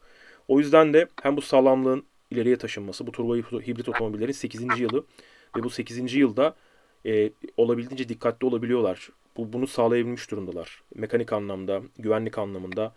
E, o yüzden de bunu anlayabiliyorum ben. E, senin de söylediğin gibi tabii Grosjean gibi, Maldonado gibi pilotların artık Formula 1'de sayısının azalması. Mazepin'le çok dalga geçildi. Mazepin de çok dikkatli kullanıyor artık aracını. Çok çok çok dikkatli kullanıyor. E bunu da görüyoruz. Bunun da etkilerini görüyoruz yani. Ya bu arada Mazepin'le ilgili de bir şey söyleyeceğim. Tamam Mazepin ıvır kıvır ama bazı yaptığı attığı spinleri izledim. Yani gerçekten Haas'ın e, otomobilinin durumundan kaynaklı gelmeye başladı bana. Çünkü yanlış hiçbir şey yok ve araba spin atıyor. Tamam. Belki daha iyi bir pilot olsa onu kontrol edebilir. Buna sıkıntım yok. Ya, ya, doğru bir yorum olur. Ama e, bazı spinler gerçekten e, Mazepin'le alakalı değil gibi geldi bana özellikle bu yarışta. e, bu arada son e, yarış sorusu diyeyim. Hatta bu Formula 1 A101 sorusu. E, neden kopil neden e, pit stop'a gelirken box box diyorlar demiş. Pit anlamına geliyor çünkü. Yani box onların Yani gelip box işte orada onların bir kutucuk var ya. onların gelip durdukları yer var diyorum. ya o o kutucuk. O gelip operasyonun yapıldığı kutu. Bayağı orası. İşte onlar ona kutucuk anlamında bakıyorlar. Orası bir kutu. Aracın gelip durduğu ve operasyon yapıldığı yer. E, box dediğimiz yer de aslında o aracın içeride girdiği yer var ya. iki tane bir diğer pilotun bir de diğer pilotun. Aslında orada box e, dedikleri yer, kutu dedikleri yer o. Aracın üzerindeki bütün operasyonun yapıldığı, içeriye çekildiği, işte pitte işte birinci seans tamamlandıktan sonra geri geri aracı yanaştırıyorlar ve iç üstünde işlemleri yapıyorlar. E, bu bir kültür olarak, Formula 1 kültürü olarak yerleşmiş durumda. E, yani seni oraya çağırıyoruz. Box box dediği zaman. Bir de e, Formula 1'de duyduğumuz diğer hiçbir kelimeyle e, benzerliği yok ya bunun. Box dediğin zaman mesela başka bir kelime İngilizce düşünelim. Formula 1'de duyduğumuz takımların kendi aralarında, pilotların kendi aralarında anlatımda kullanılan İngilizce anlamdaki kelimeleri düşünelim. Hiçbiri ses ses olarak buna benzemiyor. Mesela örnek verelim. E, Timuçin yıllarca e, beraber tabii ki görev yapmıştık. Kırmızı demek yasaktır Formula 1'de. Kırmızı ifadesini kullanamazsınız. Ne İngilizce'de ne de Türkçe'de. Çünkü kırmızı ifade Ferrari'ye kırmızı ara- araç denmez. E, kırmızı kelimesi, kırmızı kelimesi yasaktır Formula 1'de. E, kullanamazsınız. Çünkü yanlış da birisi çıkartır kırmızı bayrağı sallar diye. E, kırmızı, Ya aslında sırf Formula 1'de değil. Bütün pist evet. aktivitelerinde kırmızı kelimesi yasaktır. Özellikle aslında. Formula 1'de dememin sebebi Ferrari kırmızı ve Formula 1'in en ünlü aracı ya. Hani orada kırmızı yani kim kaza yaptı? Kırmızı araç kaza yaptı diyemezsiniz. Yasaktır bu. Ee, o açıdan da hani böyle şeyler vardır. Yasak olan kelimeler vardır. Bazı kullanılmaması gereken kelimeler vardır. Box'ta çok net ifade edilebilen ve çok net anlaşılabilen pilotun duyduğunda içeri girip yoksa farklı bir tabirde kullanılabilir tabii ki. Pit diyebilir yani. Pit stop diyebilir demiyorlar. Ee, box box diyorlar. Valla beklenenden daha güzel e, bir cevap oldu. Şaşırdım. O zaman e, valla bekledim bu kadar şey beklemiyordum. Bu kadar detay bilgi beklemiyordum. O kırmızılar mırmızılar güzel oldu. Bir önceki podcast sorusuna verdiği cevapla buna verdiği cevap arasındaki değil mi? Yani Vallahi öyle. Yapıyor cevapla yapıyor. buna Bunu verdiği seviyor. cevap. Bunu, aynen öyle. Bir Bunu öncekine seviyor. ne O- demiştim? Hangi soru ya Timuçin? Kerim'le podcast ne zaman gelecek dediğinde ha, gelir yakına falan dedim. Onu yalap şap geçti. Buna baya baya Alp abinin ağzından girip Z'den çıktın yani. Evet. Elimizden geldiğince. Ama ben burayı şöyle kapatabilir miyim? Buyur abi. Box box box box diye. Ne yapacaksın? Tuvalete mi gideceksin? Yok yok devam devam. Ee, o zaman geçiyorum organizasyon sıkıntılarına. Demişler ki trafik berbattı, ee, yayalar girip çıkamadı. İşte organizasyondaki ulaşan seyirci mağduriyetleri var. Ee, böyle toparlayacağım, genel yapacağım bunu. Ondan sonra e, telleri yıkıp geçti insanlar. İşte tek bir köprü vardı, herkes oradan geçmek zorundaydı. Ee, gibi gibi şeyler gelmiş. Öncelikle ben bir e, şey yapayım, orada olmayan bir insan olarak kendi tecrübelerimden bir yorum yapacağım. Sonra buna siz devam edersiniz. Hı hı. Şimdi iki şey söyleyeceğim. Birincisi biz ülke olarak toplu taşıma kullanma kültürüne hiçbir zaman sahip olamadık. Hiçbir zaman sahip olamadığımız için buna ben de dahilim bu arada. Yani ben yarışa gelseydim otobüste değil arabamla gelirdim ve o işkenceyi ben de çekerdim. Ama bunu süre sahip olmadığımız için biz hepimiz bu işkenceyi bile isteye yaşıyoruz. Öncelikle bunu söyleyelim. Yani trafik kısmı tamamen bu bence. Biz hepimiz oraya e, her araba bir kişi, iki kişi, üç kişi taşıyor ortalamada. İki kişi diyelim. 100 bin kişi geliyor oraya. 50 bin araba yapar. Ortalama gidiyorum. 50 bin tane otomobilin herhangi bir yere girip çıkması zaten dert olacaktır. Bu herhangi bir futbol maçında da yaşanıyor. Ki 100 bin kişi hiçbir futbol maçına gitmiyor Türkiye'de ama oraya gidiyor. Şimdi bunu bir cepte tutalım. İkincisi de şu. Atatürk Olimpiyat Stadı ilk yapıldığında yani bu arada birinin sesi geliyor. Kim cık çıklıyor? Timuçin olabilir. Timuçin sesi kapa ya. Cık cık ses geliyor. Gözünü seveyim. Ee, ikinci diyeceğim bir şu. Atatürk Olimpiyat Stadı'nın çevre yolları yapılmadan önce Galatasaray orada e, Şampiyonlar Ligi oynadı. 2006 idi yanlış hatırlamıyorsam. Ben de o zaman her maça gidip geliyorum. Ee, ondan önceki senelerde de gittim. Pardon yani toparlayayım. 2006'da yollar yine keza yapılmıştı. 2006 öncesi 2003-2004 sezonunda yapılmamıştı. Neyse. Tek giriş tek çıkışı olan herhangi bir yere aynı an için, aynı saatte yapılacak bir organizasyon için bir sürü insan gitmeye çalışırsa o yol illaki tıkanacak. Yani bunun neden olduğu, neden çözülemiyor? Şimdi Atatürk Olimpiyat Stadı'nın çevresinde yol çalışması yapılabilirdi, yapıldı. Ama İstanbul Park'ın bir tane girişi var. Bir de köy tarafından çevresini dolaşırsan, bilenler bu arada bence kesin orayı kullanmıştır. Ee, Göçbeyli diyesim var. Değil o gö- köyün adı. Neydi o köyün adı? Ballıca. Göçbeyli. Ballıca değil. Ballıca'dan önceki. Tam şeyden çıkıyorsun. Yani dümdüz gidiyorsun Formula 1 pistinden. İlk geldiğin köy. Aa adını unuttum. Göçbeyli. Göçbeyli değil mi ya? Göçbeyli, Göçbeyli. Formula 1 pistinin arkasındaki köyden bahsediyorsun değil mi? Evet evet Göçbeyli, Göçbeyli. Göçbeyli doğru. orası. Göçbeyli, Tamam, doğru. Göçbeyli, doğru Göçbeyli. Göçbeyli köyüne arkadan ulaşıp Şile otobanından isteyen istediği yere gidebilir. Bu yolda bilinmiyor. Şu denilebilir yani organizasyon niye bunu tarif etmiyor? Evet belki bu eksiklik olmuş olabilir. Buna lafım yok. Ama diğer yandan bu trafiğin olacağı zaten aşikar. Yani insanların bundan şikayet etmeye hakkı var mı? Ben gerçekten emin değilim. Bunu Şöyle söyleyeyim. Şimdi şöyle, onu onu şöyle e, anlatayım. Herkes e, araçla gelmiş. Pistin içindeki otopark noktalarının tamamı doluydu. Pistin e, ana tribünün arkasındaki dış otopark yani pistin içinde olmayan, önceden bilet almadığın, gidip kapısında parayı ödeyip içeri girdiğin otopark hem pistin Şahinlerin yanladığı değil mi? Doğru. Evet, ana Orası. ana tribünün arkasındaki ekstra yer açılan Tamam. yer orası tamamen doluydu ve e, arka düzlüğün başında başına hemen denk gelen yerde yine pistin dışındaki e, otopark, yeni bir otopark açılmış oraya. Orası da tamamen doluydu. Herkes otomobille geldi. Orası dolduktan yani şimdi orası doldu ya. İnsanlara tek giriş hakkı verdiler. O Ballıca tarafından gelişi de kapattılar. Okul Üniversitesi tarafından arkadan gezip Göçbeyli tarafından gelişi de tamamen Akfırat Belediyesi tarafından gelen girişi de tamamen kapattılar. Öyle olunca Ha o biraz hatalıymış ya. O kötü İnsanlara- olmuş ya. Niye yapmışlar ki onu? şöyle e, ilk düşünme mantığı doğru aslında. Ana tribün kapısından geleceksiniz. İçeriye giren düz devam edecek. Sağa giden sağa, sola giden sola. Ama oradaki otoparklar doldu ya. O dış otoparklarda dolduğu andan itibaren e, o andan itibaren ilk aldıkları kararı yani sabahın köründe alınan kararı değiştirmemişler ve orası kapalı kalmaya devam etmiş. Öyle olunca da ne oldu biliyor musun? Doğal aslında doğal bir şekilde. E, çünkü tıkandı her yer. Herkes araçta gelince. Tıkanınca her yer insanlar olduğu yerlere Akfırat Belediyesi'nin önünden İstanbul Park'a kadar herkes aracını yolun üstüne bıraktı. Bildiğin otoyolun üstüne iki şerit solda, iki şerit sağda, ortada bir şerit boşluk kalacak şekilde araçlar park edildi ve insanlar yürümeye başladılar. Buradaki problem temel anlamda şu oldu. Bu sana bahsettiğim. Biz sadece ana girişten geleceğiz. İstanbul Park'ın ana giriş yolundan geleceğiz. İnsanları kabul edeceğiz ve sonra oradan sağa sola dönülecek. Ee, dönüldükten sonra da otoparka park edecekler zaten. Mevcut otopark kapasitesinin iki misli olması falan gerekiyordu abi.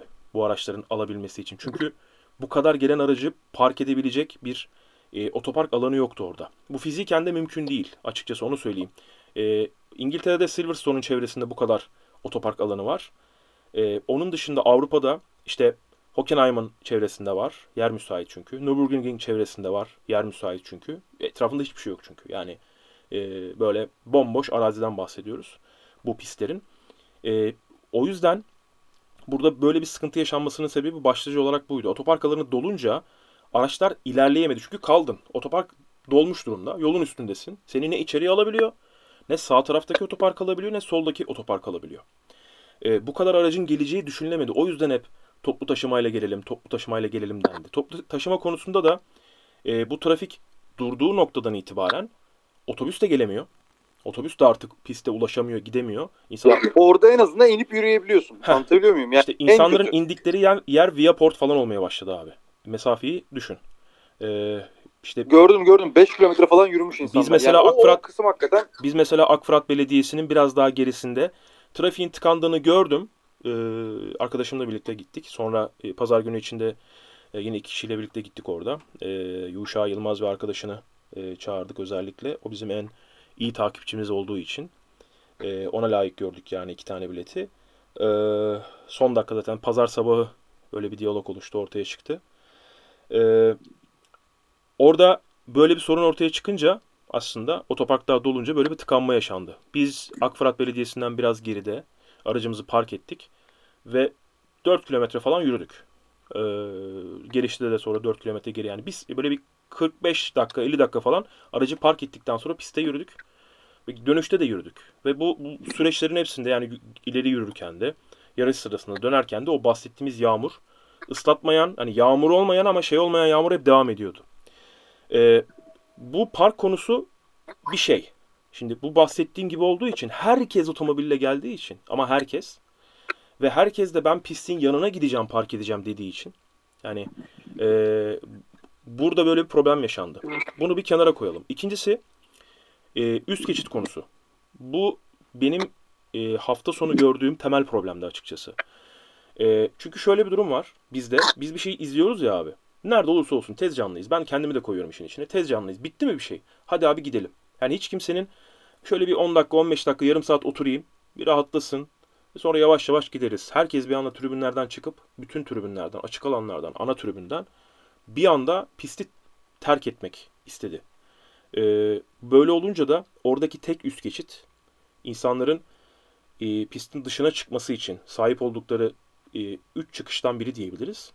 Aslında orada yüzlerce insan hatta bir anda orada bin kişi, iki bin kişi falan toplandı. Onları tahliye edebilecek tek yer oldu maalesef. Ve o tahliyeyi yapamadı orada. İnsanlar çok büyük bir kalabalığın içinde kaldılar. İşte terör örgütleri yıktıklarını gördük biz de. Biz de o taraftan çıkmış çıktık. Ee, oradaki üst geçitin aslında tahliye etmesini bekledi ee, organizatör ama bu orada olmadı. Oradaki sıkıntı insanlar açısından üst geçitte sıkıntı. Orada bir sıkıntı yaşandı onu söylemek gerekiyor. Ve şöyle şunu şunu belirtmek lazım. Hollanda'da yarış yapılmış. E, yurt dışı forumlarını hep yıllardır takip ediyoruz. Aracını park ediyor adam ve e, yarım saat 40 dakika falan yürüyor zaten. Yani bu, bu kültürü bu işin. Yürüyeceksin, yürümek durumundasın. Bir de pist çok büyük bir alan. E, seni pistin çok yakın noktasına getirse bile gitmek istediğin yere gidene kadar 20 dakika falan yürüyorsun zaten. En iyi ihtimalle. E, böyle aracını tam olarak tribünün yanına park etmen gerekiyor. Çok şanslı olman gerekiyor falan filan. E, o aracı oraya park ettiğin zaman da oradan çıkmak için o insanların tahliye olmasını bekliyorsun zaten. Yine onları beklemek durumunda olduğu için ha içeriye park ettin ha dışarıya park ettin. E, gibi bir durum söz konusu zaten. O yüzden çok erken gidenler ve sabırlı olanlar sorun yaşamadı. Ama bu söylediğimiz çok küçük bir bölüm.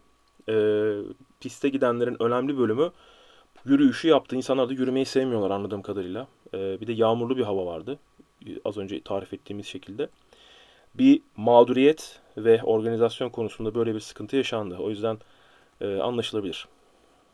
Ya burada bence sıkıntı şu. e, bu yarış her sene seyircili yapılıyor olsa ve insanlar bunu bilseler İlk defa buna göre hareket ya buna göre hareket ederler. Çünkü hani he- daha önce anlattım size hatırlamıyorum. Türk Telekom Arena ilk açıldığında ilk maça gittik. Full stat. Giderken problem yok işte. Çünkü kademe kademe geliyor insanlar. Hı hı. Maç bir bitti. E, Ajax'la hazırlık maçıydı. Maç bir bitti. Çıkamıyoruz stat'tan. O zaman da aynı şekilde bir tane karşıya giden yol koymuşlar.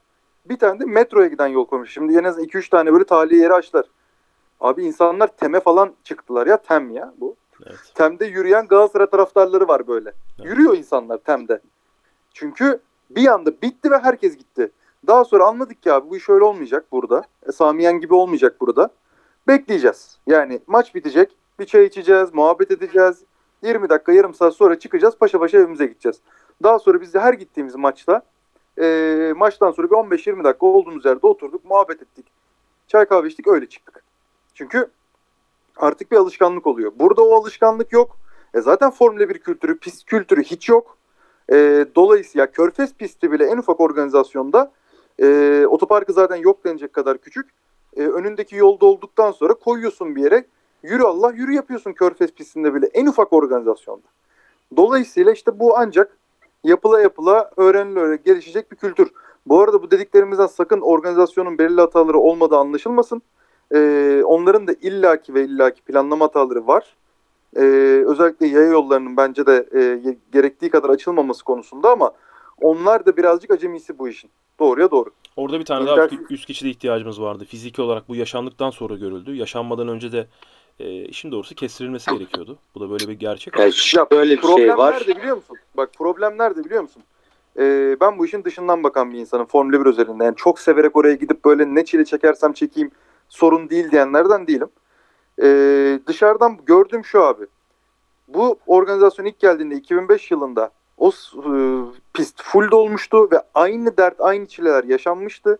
Sonrasında bu insanların kulaktan kulağa yok abi gitme çok kötü trafik trafik dene dene dene dene e, o pist dolmamaya ve boş kalmaya başlamıştı. Tekrardan şimdi onların hepsi unutuldu. Yeni bir jenerasyon geçti. Aradan 10 sene geçti. Meraklıları arttı. ıvır kıvır. Yine o pist doldu. Ve şimdi gelecek sene organizasyon tekrar geldiği zaman insanlar birbirlerine diyecekler ki gidenler gitmeyenlere. Abi şöyle çok e, sıkıntılı bir durum var orada. Ve insanların oradan uzaklaşması yine başlayacak. Burada problem nerede? Biz dışarıya her şeyi mükemmel gösteriyoruz. Bu Formula 1 ile Intercity organizasyonuyla alakalı değil. Bu herhangi bir şeyde böyle. Biz dışarıya kendimizi mükemmel gösteriyoruz ama iç tarafta yaşananları halletmiyoruz. Yani problem çıkabilir. Burada problem yok. Her her yer her şey her organizasyon problem yaşayabilir. Ama bunu halletmiyoruz. Yani bu problem 2010 2021 yılının problemi değil ki. 2005 yılının problemi. O üst geçit 2005 yılının problemi. O otopark 2005 yılının problemi. O yolda oluşan trafik 2005 yılının problemi. Aradan geçen 16 yılda hiçbir şey düzeltilmeye bile çok çalışılmamışsa içeriği bir fırt düzeltmeye çalıştılar biliyorum ama belli ki işe yaramadı. E, o zaman yani, yani bir tane anonsçu çıksın desin ki pis çıkışında en kötü en basiti ya çıkışta yığılma olacak bekleyin kademe kademe çıkın ya da çıkışta yığılma olacak sorun yaşamak istemeyenler fan zonda gitsin bir şeyler içsin. Tamam orası da biliyorum dünya parasıdır kesin de. Ee, yani bunun bir şekilde o izdihamı azaltabilecek organizasyon yöntemler bence bulunabilirdi. Pek burayla uğraşılmamış. Benim sizlerden de aldığım ee, şey oldu. Ne derler? Feedback oldu. En 2005, hissiyat. 2005 yılında orada yarış yapıldığında pistin çevresindeki konutların, pistin çevresindeki okulların, pistin çevresindeki yapıların çok büyük bölümü yoktu. Çok azdı oradaki e, trafik yaratabilecek diğer etkenler. Şimdi zaten hiç orada yarış olmadığı zamanlarda da oranın akan bir trafiği var. Yani orası e, tam anlamıyla dağ başı değil artık. Orada ilçenin ilçe bir bölüm şey yaptı. Ee, Ee, tam yani- Timo'ya sesini kapatacaksın. Orada hani eskisi gibi değil. 2005'teki 16 sene önceki gibi değil orası. Oranın zaten kendine ait bir trafiği var zaten hali hazırda. Ee, o trafiği e, hadi oraya orada F1 yarışı var dedik. Oradaki trafiğin büyük bölümü gitmedi oraya. E, ama dediğim gibi otoparklar dolunca dış, dış otoparklar herkes otomobille geldi çünkü herkes. Yani bir aracın içerisinde 4 kişi olsa her seferinde tamam bu nispeten doğru anlayabiliriz bunu ama herkes otomobille gelince otopark nok- noktasında sıkıntı yaşanınca herkes sağa sola park etmeye başladı. Bir organizasyon problemi var. Bu açık. Ee, ama ben bunun aşılabileceğini düşünüyorum. Aşıl, aşılacaktır yani. Çünkü bu planlamayla birlikte çözülebilecek bir konu. Geçtiğimiz yıl e, pist üstü operasyona çok önem verildiği için hani pistte her şey doğru olsun, yerinde olsun. Herkes her şey rahat etsin. E, taraftarlar açısından da aslında 3 aşağı 5 yukarı birçok şey doğru yapıldı. Cuma günü mesela az seyirci olduğu için hiçbir sorun yaşanmadı. Hiçbir problem yaşanmadı ama cumartesi günü özellikle seyirci sayısı artınca üst geçitte bir yığılma olduğunu görmüştüm ve demiştim ki hani pazar günü burası bayağı bir kalabalık olacak. Senin dediğin gibi bizde de böyle beklemeyi sevmediğimiz için hani birazcık beklese orada insanlar. Bir yarım saat beklenseydi, bir 40 dakika beklenseydi orada e, o 100 bin kişiyi, pazar günü 100 bin kişi vardı orada yani. Tıklım tıklımdı pist. Gerçekten. E, öyle olduğu için de 100 bin kişi bir anda tahliye edilmek istendi orada. Yani herkes bir anda çıkmak istedi. E, tribünlerde neredeyse gördüm çünkü. Yarış bitti. E, ödül daha verilirken, daha verilmedi yani. Onlar e, Bottas vesaire şeye çıkmadan, podyuma çıkmadan 8. tribüne bakıyorum yarısı çıktı. E, şey verildi. Biz ben biraz tribünde bekledim çünkü. Sonra orada kalan yarının yarısı da çıktı hemen. Hemen bir anda çıktı insanlar. Hiç beklemediler yani. Hemen çıkalım gidelim istediler. Ben kendi türümünü söyleyeyim. Ee, son iki tura kaldı diyerekten bizim e, telefona mesaj geldiğinde baya baya millet hareketlenmiş gitmeye çalışıyordu. Evet işte bütün tribünler bir anda çıkmak istediler. Ee, 7 yani Silver 7, Silver 8 ana tribün. Ee, Silver 1 ve Silver 1'in yanındaki açık alan. Yani bu bahsettiğimiz e, Kutay şöyle söyleyeyim 30 bin, 5 bin, 5 bin oradan, oradan desen e, 40 bin, 45 bin kişinin bir anda bir üst kişide saldırması demek. 45 bin kişi bir anda üst kişide saldırdı. E böyle olunca o zaman hani 40 bin kişi civarında diyelim. Bir anda tek Ya bu zaten dediğiniz şey zaten herhangi bir yerde mümkün değil. Ha, mümkün değil. Yani- orada şöyle söyleyeyim. Bir tane daha üst geçidi olsaydı, bir tane daha üst geçidimiz olsaydı yine bu şey yaşanırdı. Bu arada onu Yine söyleyeyim. sıkış, hocam yine sıkışacak insanlar abi. Fenerbahçe bak Tim, Timuçin Fenerbahçeli. Ben o stada da gittim bilirim. O stat da boşalırken dert yaşıyor. Çevresi trafik oluyor. E, orası 35 bin 40 bin kişi geldiğini varsayalım. şimdi. Aynen bir de bir, şöyle bir şey var. Onlar metrobüse yığılıyorlar. Metrobüsün önü patlıyor. Evet. Ya burada ne kadar Bu burada ne kadar yaşanan şeyler yani. Evet burada ne kadar insanlar biraz beklemeliydi vesaire desek de e, ilk başta organizasyonun e, eksiklikleri üzerinden konuşmak gerekir. Yani daha planlı olması gerekiyordu her şey. Öngörülmesi gerekiyordu. Yani şöyle planlaması gerekiyor böyle bir organizasyon. 100 bin seyirci mi geleceğini varsayıyoruz. O zaman buraya 50 bin otomobil gelebilir. Bu beklenecek. Yani 50 bin otomobillik park e, planı yapacaksın. Boş kalırsa kalsın. Yani plan 50 bin otomobil üzerinden yapılması gerekiyor. Kaç seyirci gelecekse bölü 2 E, şeklinde yapılması gerekiyor. Abdullah sana da orada şöyle bir şey yapacağım. Onun içinde o kadar bir alanın olması Evet lazım. aynen öyle öyle bir alan yok. Doğru söylüyorsun. Öyle bir alanda yok yani Yok. 50 bin aracı park ettirebilecek bir alan yok. Kesinlikle. Ee, toplamdaki park alan adedi neydi ya? Ee, yanlış bilmiyorsam dışarılardaki otoparklar bir taraf 6 bin diğer taraf 6 bin miydi? 12 bin araçlık öyle bir şey vardı. İçeride de yaklaşık bir 12 20 12 15 bin araçlık bir yer Olması vardı. gerekenin yarısı varmış yani. Tamam. Topla, toplamda yaklaşık yani 25-30 bin araçlık yer var. Hı hı. Ama e, mesela yurt dışında e, bir aracın içerisindeki ortalama 2.75'miş. Türkiye'deki ortalama %99 benim söyle bir tahmin ettiğim 1.75'tir. Çünkü tek gelen var, iki kişi gelen var. Bir arabanın içerisinde üç kişi gelen imkansız. Evet. İki kişiyle geliyor. Evet yani bu ilk, de, ilk araçlar. defa buraya gelen insanların e, çok büyük bölümü ilk kez İstanbul Parkı gördüler. Çok büyük bölümü. E, bu bu organizasyonun kalabalığını Intercity İstanbul Park yönetimi ilk defa gördü. Pistte ilk defa bu kadar insan gördüler. Yönlendirmeler konusunda eksiklikler doğru vardı. E, otopark konusunda söylediğimiz gibi sıkıntılar vardı. Bu kadar kişinin araçta gelmesi beklenmiyordu. Umarız önümüzdeki yıllarda bu sorunlar çözülecektir. Zaten e, yani birazcık dediğim gibi sabırlı olması lazım. Birazcık gittiğiniz organizasyonda bir yarım saat 40 dakika bekleyeceksiniz ki bu çok normal yani. Bu her yerde her zaman böyledir. O yüzden bu sorunun yaşanmasının sebebi buydu. Valla açıkçası e, öyle aklı başında insanlar da var ama işte o aklı başında insanlar 100 bin kişinin içerisinde vurgu oranlayınca çok az sayıda kalıyor. Mesela benim Silver 1'de Mehmet diye bir arkadaş vardı. Torku'da takip ediyormuş. Kendisine selam olsun. Hı hı. Yani o mesela benle beraber e, millet gitmeye başladı. Bir saat boyunca biz oturduk tribün üzerine muhabbet ettik. Hı hı. Yarışı konuştuk. Daha önceki yarışları konuştuk ettik falan filan. Bir saat boyunca benle muhabbet etti. Sonrasında biraz ben bir fan zona geçeyim. Biraz da orada takılayım ondan sonra giderim dedi. Yani en mantıklı hareketi bence o yapmıştı. Evet. Aynen öyle. O zaman ağzınıza sağlık. Evet, evet yani genel olarak hani dur kapatma daha Finlandiya rallisi var, Ege rallisi var. Allah Allah. Ya şimdi Finlandiya VG'yi geçelim de ben başka bir şeyler daha ekleyeyim onu araya. Nedir o? Ee, öncelikle şöyle bir şey var. Biz bir ara Tork'tan e, İstifa mı ediyoruz? çıkıp hikaye çıkıp, e, şey görevli için şey istemiştik. e, destek istemiştik. Bayağı bir arkadaş yazmıştı bana e, o zamanlar. Diye hikayeyi yaklaşık 2 saat falan tuttuk değil mi Abdullah? Evet. Yanlış hatırlamıyorsam. Sonra beni aradın. Çünkü bunu kaldır e, dedin. ben ilk başta beynim çalışmadı istek kutusuna düştüğünü mesajlarının.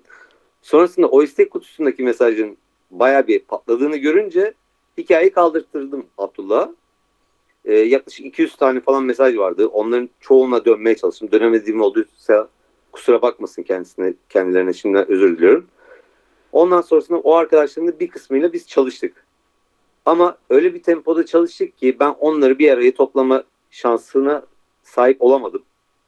Ee, onlarla bir toplaşıp e, toplu bir fotoğraf çekilmek isterdim. Kendilerinden şimdiden özür diliyorum eğer bunu dinliyorlarsa onu beceremediğim için. Ee, inşallah başka bir zamanda toplaşıp bir şey yaparız. Ama birkaç tanesiyle birkaç birkaçınızla tanıştım. Ee, yani nasıl söyleyeyim artık ne, toparlayamadım orayı. Teşekkür ediyorum yani herkese. Şimdi Belki bir hikaye paylaşırız. Bu senin söylediğin şeyleri yazdığımız. Veya sen işte bir, bir şey yazarsın. Kendi hikayende Yani paylaşırsın. bu bizi cümleleri toparla düzgün bir yazıya dök ondan sonra yazalım diyorsun değil mi? Ee, sen, sen kendi hikayende bizi etiketleyerek bir şey paylaşırsın. Ben onu hikayede paylaşırım. O şekilde bir durum yapabiliriz yani. Ee, bu, Tamam. Bunu, Tamam, bunu podcast'ten sonra siz kendi aranızda da konuşun. bunu, bunu, Hatta grupta konuşun ben de takip edeyim. Yani ama lütfen bu kadar da olmaz. Ya bunu- Ege bunu- rallisi diyorum, Finlandiya rallisi diyorum ya. Finlandiya rallisini kısaca derle bize. E, Ege rallisini biliyorsun. Finlandiya rallisini kısaca e, Evans kazandı. Evet. E, kısaca böyle diyebilirim. Lappi uzun süre sonra yarıştı. iyi performans gösterdi. İkinci Tanak oldu. Üçüncü kim olmuştu? Üçüncü Breen oldu. Breen oldu. Finlandiya'ya damgasını Üçüncü- vuran ve Finlandiya'da aslında oldu. Finlandiya'da kırk- önemli olan şey ve Finlandiya'ya damgasını veren şey Forman'ın uçuşuydu aslında. Tek şey oydu. Yani o Evet bayağı evet 68 metre uçtu. Yani gerçekten düşmedi yere. inmedi yani. şey. Hala şu an havada olabilir. 68 metre nedir yani? Düşünsene zıplıyorsun futbol hani şeyden başlıyor out çizgisinden başlıyorsun uçmaya. e, ceza sahasının önüne iniyorsun. Ve Böyle şöyle inanılmaz düşün. bir mesafe gerçekten. Ve şöyle düşün. e, o kadar temiz uçtu ve o kadar temiz indi ki e, aracın dengesi hiç bozulmadan yaptı bunu. Yani çok iyi o e, Evet, evet. şeyden önce uçmadan önce küçük bir fren yapıyorlar ya böyle hani, hani varla yok arası. Aracı dengelemek için. Evet evet evet. Çünkü e, araç gazdayken her zaman burnu kalkık ya özellikle Finlandiya gibi e, zeminin toprak değil orası artık. Yani muhteşem bir zemin. E, hani açıklayamayacağımız kadar iyi bir zemin. Araç hafif kıl yok. Evet, hafif kafası havada gidiyor o araçlar. E, tabii senin çok daha iyi anlatacağın üzere. Uçtuğunuz zaman e, aracın arkası yani kafası böyle arkası e, aşağıya doğru gelmeye başlıyor ve düzgün düşmüyorsunuz. Burada forma o kadar güzel uçurdu ki aracı e, o ufak frenlemeyi yapıp araç çok düzgün şekilde böyle roket gibi ileriye gitti. Hiçbir tarafı böyle dengesiz yere düşmedi. Bence etkileyen şey çünkü Ogier Citroen'deyken bir uçuşu var. Çok iyi hatırlıyor herkes. E, Ogier'in önce aracının arkası düşüyor yere sonra kafası vuruyor yere. Burada 4 Evet kafa kafa önde gitmiş Novikov gibi. evet. O zamanda sarı Citroen'le Novikov öyle neredeyse 90 derece oluyordu araba. evet.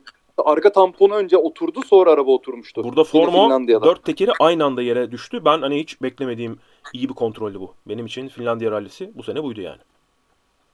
Ya Finlandiya rallisi her zaman gibi inanılmaz bir yarış yani onu bir şey diyemiyorsun. Yani merak eden Finlandiya Rally 2021 yazsın. Ee, inanılmaz bir şey ya. Ben o hani tarif edemem. Ya sen nasıl Cuma günü seni aradım ve bana diyordun ki yani böyle tribünde oğlum bu acayip hani Cuma günü Kutay beni aradı. Dedi ki Apo dedi ben Erzurum'a gidiyorum. Bana dedi bir tane cağ kebapçı söyle. Yani. Bana bir tane cağ kebapçı söyle dedi. Erzurum'a gidiyorum dedi. Ben dedim ki cağ kebapçı değil dedim. Erzurum'a gidiyorsan Hacı Baba'da döner ya. E, cağ kebapta herhangi bir yere girebilirsin dedim. E, beni aramasının sebebi de buydu yani. Bana Erzurum'da yemek yiyeceği yeri sordu. E, Kutay Ertuğrul. Ne, kime sorayım? Yok bir şey demedim yani hani e, halimizi hatırımızı sormaya ya da Formula 1'i öğrenmeye aramadın yani. Erzurum'a gidiyorum. Ee, Oğlum- Nerede cağ kebap yiyeyim? Bunu hepimiz yapmıyor muyuz zaten? Evet geçen Bilmeyenler buradan bilmeyenler bir dakika yiyeceğiz bu diye. bir ifşadır. Bir dakikaya Timuçin, Timuçin sen geçen nereye Apo'nun- gitmiştin? Edirne'ye Apo'nun- gitmiştin? Tekirdağ mı gitmiştin? bir saniye bir kay, kayma lütfen lütfen Tamam. bir saniye kaynamasın. Bilmeyenler var bunu. Tamam. Apo'nun Google Maps'inde bütün Türkiye'yi düşünün. Nerede yemek yenirin işaretli hali var. Ben şimdi bunu Apo'ya sormayayım kime sorayım ya? Gözünüzü lütfen. Adam hepsinde tek tek kendi denedi. Anlat desen anlatır. Yemek programı podcast yapsak 5 saat sürer. Ama biz Ya- bunu, ya- en doğru. Yalan olmasın. biz bunu yaşadık ama. Ee, denemeyi düşündüğü ve denedi, deneyip beğendiği yerleri etiketledi. Evet. O Denemeyi düşündüğüm yerler de var. Geçenlerde de ben de şey Çanakkale Tekirdağ üzerinden gidiyordum. Dedim Tekirdağ'da bir yemek yiyeceğim. Haberin olsun. Nereye gideyim, hangisine gideyim diyerekten sordum. Direkt adresi verdi bende sağ olsun. Ben de oraya gittim. Yani Tork TV'ye mesajlarınızı bu yönde de gönderebilirsiniz Evet. sayın Aynen aynen. Her Buradaki nerede soruları da sorabilirsiniz bence de. Abdullah biraz uğraşsın orada. Timuçin ben seni birazdan etiketliyorum. Diyorum ki e, Amerika Grand Prix'sine görevli aranıyor. E, mesaj için Timuçin'e ulaşabilirsiniz. Diyorum. pasaportu olan herkes gelsin. Amerika pasaportu olan herkes gelsin. Amerika. Aslında geyiğine 1 Nisan'a falan denk gelseydi böyle bir şey yapılabilirdi. E, Kutay ağzına sağlık değil mi? Finlandiya rallisi işte muhteşemdi falan fişman oraları güzeldi, geçti çok zaten. keyifliydi. Zıpladılar, hopladılar, gazladılar. Ee, transfer haberleri var onları geçeyim. Ee, Craig Breen gelecek seneyle beraber M Sport'un pilotu oldu. Hı hı. M Sport seneye iki arabayla mı yarışacak, üç sport arabayla mı yarışacak belli değil. İkinci pilotu da daha şu anda seçmediler. Ya Gus Greensmith olacak ya Adrian Forma olacak ya da ikisi birden olacak. Bu şu an belli değil. M Sport attık köşeye. Ee, Hyundai e, üçüncü arabasını iki kişiyle paylaştırıyor bu sene. Yani gelecek sene. Dani Sordo ve Oliver Solberg. Peter Solberg'in oğlu Oliver Solberg gelecek sene en azından bir VRC takımının e, üçüncü, dördüncü pilotu olacak. Bakalım ne yapacak. Çok istikrarsız performansı var. Hızlı biliyoruz ama ya kaza yapıyor ki Finlandiya'da ne çaktı? E, taktılar attı. Ya, ya çakıyor ya iyi yapıyor ya da mekanik hata yaşıyor. E, ortası yok. Bakalım nasıl olacak. Dönelim Toyota'ya. Toyota Ogier'in ayrılığı sonrasında Lappi'yi transfer etti. E, Lappi Finlandiyalar tarafından çok sevilen, çok güvenilen bir pilot. Ama iyi performanslarıyla beraber sallantılı zamanları da oldu. E, o da son arabayı, Toyota'nın 3. arabasını Ogier ile beraber paylaşacak ama kim kaç yarışa girecek, kim kaç yarışa girecek herhangi bir takımda bu belli değil. E, yeni, seneye zaten otomobiller bildiğiniz gibi ben anlattığım gibi değişiyor. Bir hibrit sistem geliyor tekrardan rally'ye ama rally araçlarının sesleri öyle kısılmıyor Formula 1 gibi. Yine bağırmaya devam ediyorlar. Finlandiya'yı özet olarak böyle diyebiliriz. Ve bu hafta sonu Ege Rally'si var. Ege Rally'si her zamanki parkurunda, her musunuz? zamanki yerinde. Ben Furkan'la girmiyorum. ee, başka bir arkadaşla giriyorum. Anladım. Peki. Bir genç bir genç pilotumuz var elimizde. Ee, şimdilik isim vermeyeyim. Tamam. Bir şey olur, bir şey olur. Böyle belli olmaz son dakikada iptal olur. Ee, bu yarışa bir palyo ile gireceğiz. Ee, tamamen birbirimizi tanıma için gireceğiz. Hı. Eğer girersek. Ee, şeyimiz yok yani bir kompetisyon durumumuz yok. Ciddi Beraber not yazalım. Birbirinizi tanımaya çalışıyorsunuz. Evet, evet, yani ciddi şöyle- düşünmüyorsunuz Yani yani. şöyle şöyle ciddi düşünüyoruz. Ee, Ege Rally'si malum her sene aynı yerde olduğu için yine vermişler. Beyler, Efem Çukuru, Gödence, Çatalca. Hani hiç kimse daha önce orada gitmemiş gibi. Ee, neyse. Ee, hem bu daha önce Ege'de yarışmış ama çok olmuş. Ege'de Ege'nin notlarını bir yazalım. Ee, hem de şey hani nasıl söyleyeyim bir beraber yarışalım bakalım nasıl oluyor'yu görmeye gireceğiz aslında bu yarış. Anladım. Belki sezonun devamında onunla devam etme ihtimali var çünkü. Ee, bakacak bakalım. O Ne zaman olur, hayır, neler olacak ne yapacak ama hayırlı uğurlu olsun. ya yine ıslak asfalt. Deliler gibi yağmur var. Size gönderdim ya yarın burada fırtına var diye. O Hı. böyle bu hafta Ege bölgesine devam ediyor. Anladım. Ee, muhtemelen hafta sonu İzmir rallisi de ıslak zeminde koşulacak. Islak zeminli Ege rallileriyle ilgili hiç iyi anılarım yok. Dur bakalım bu nasıl olacak. Ağzına sağlık Kutay. Teşekkür ederiz. Hepimizin ağzına sağlık. Timuçin ağzına sağlık. Teşekkür ederim.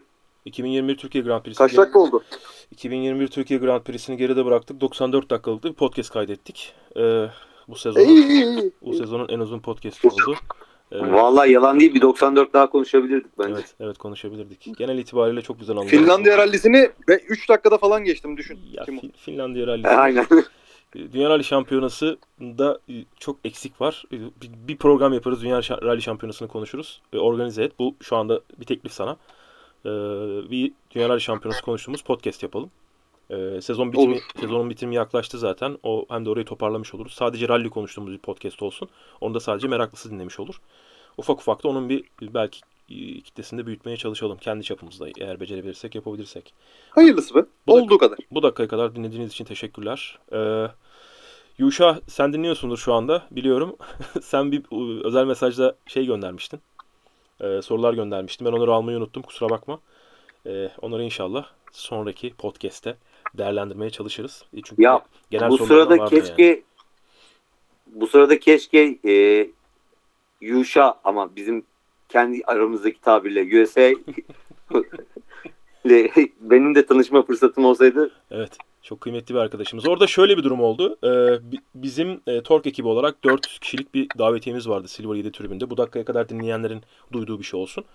Ee, o 4 kişilik davetiyede tabii ki önce hani benle Kerim ve yanımızda artı birlerle birlikte gidecektik. Planımız ilk başta e, genel anlamda aslında böyleydi. Böyle bir düşünmüştük.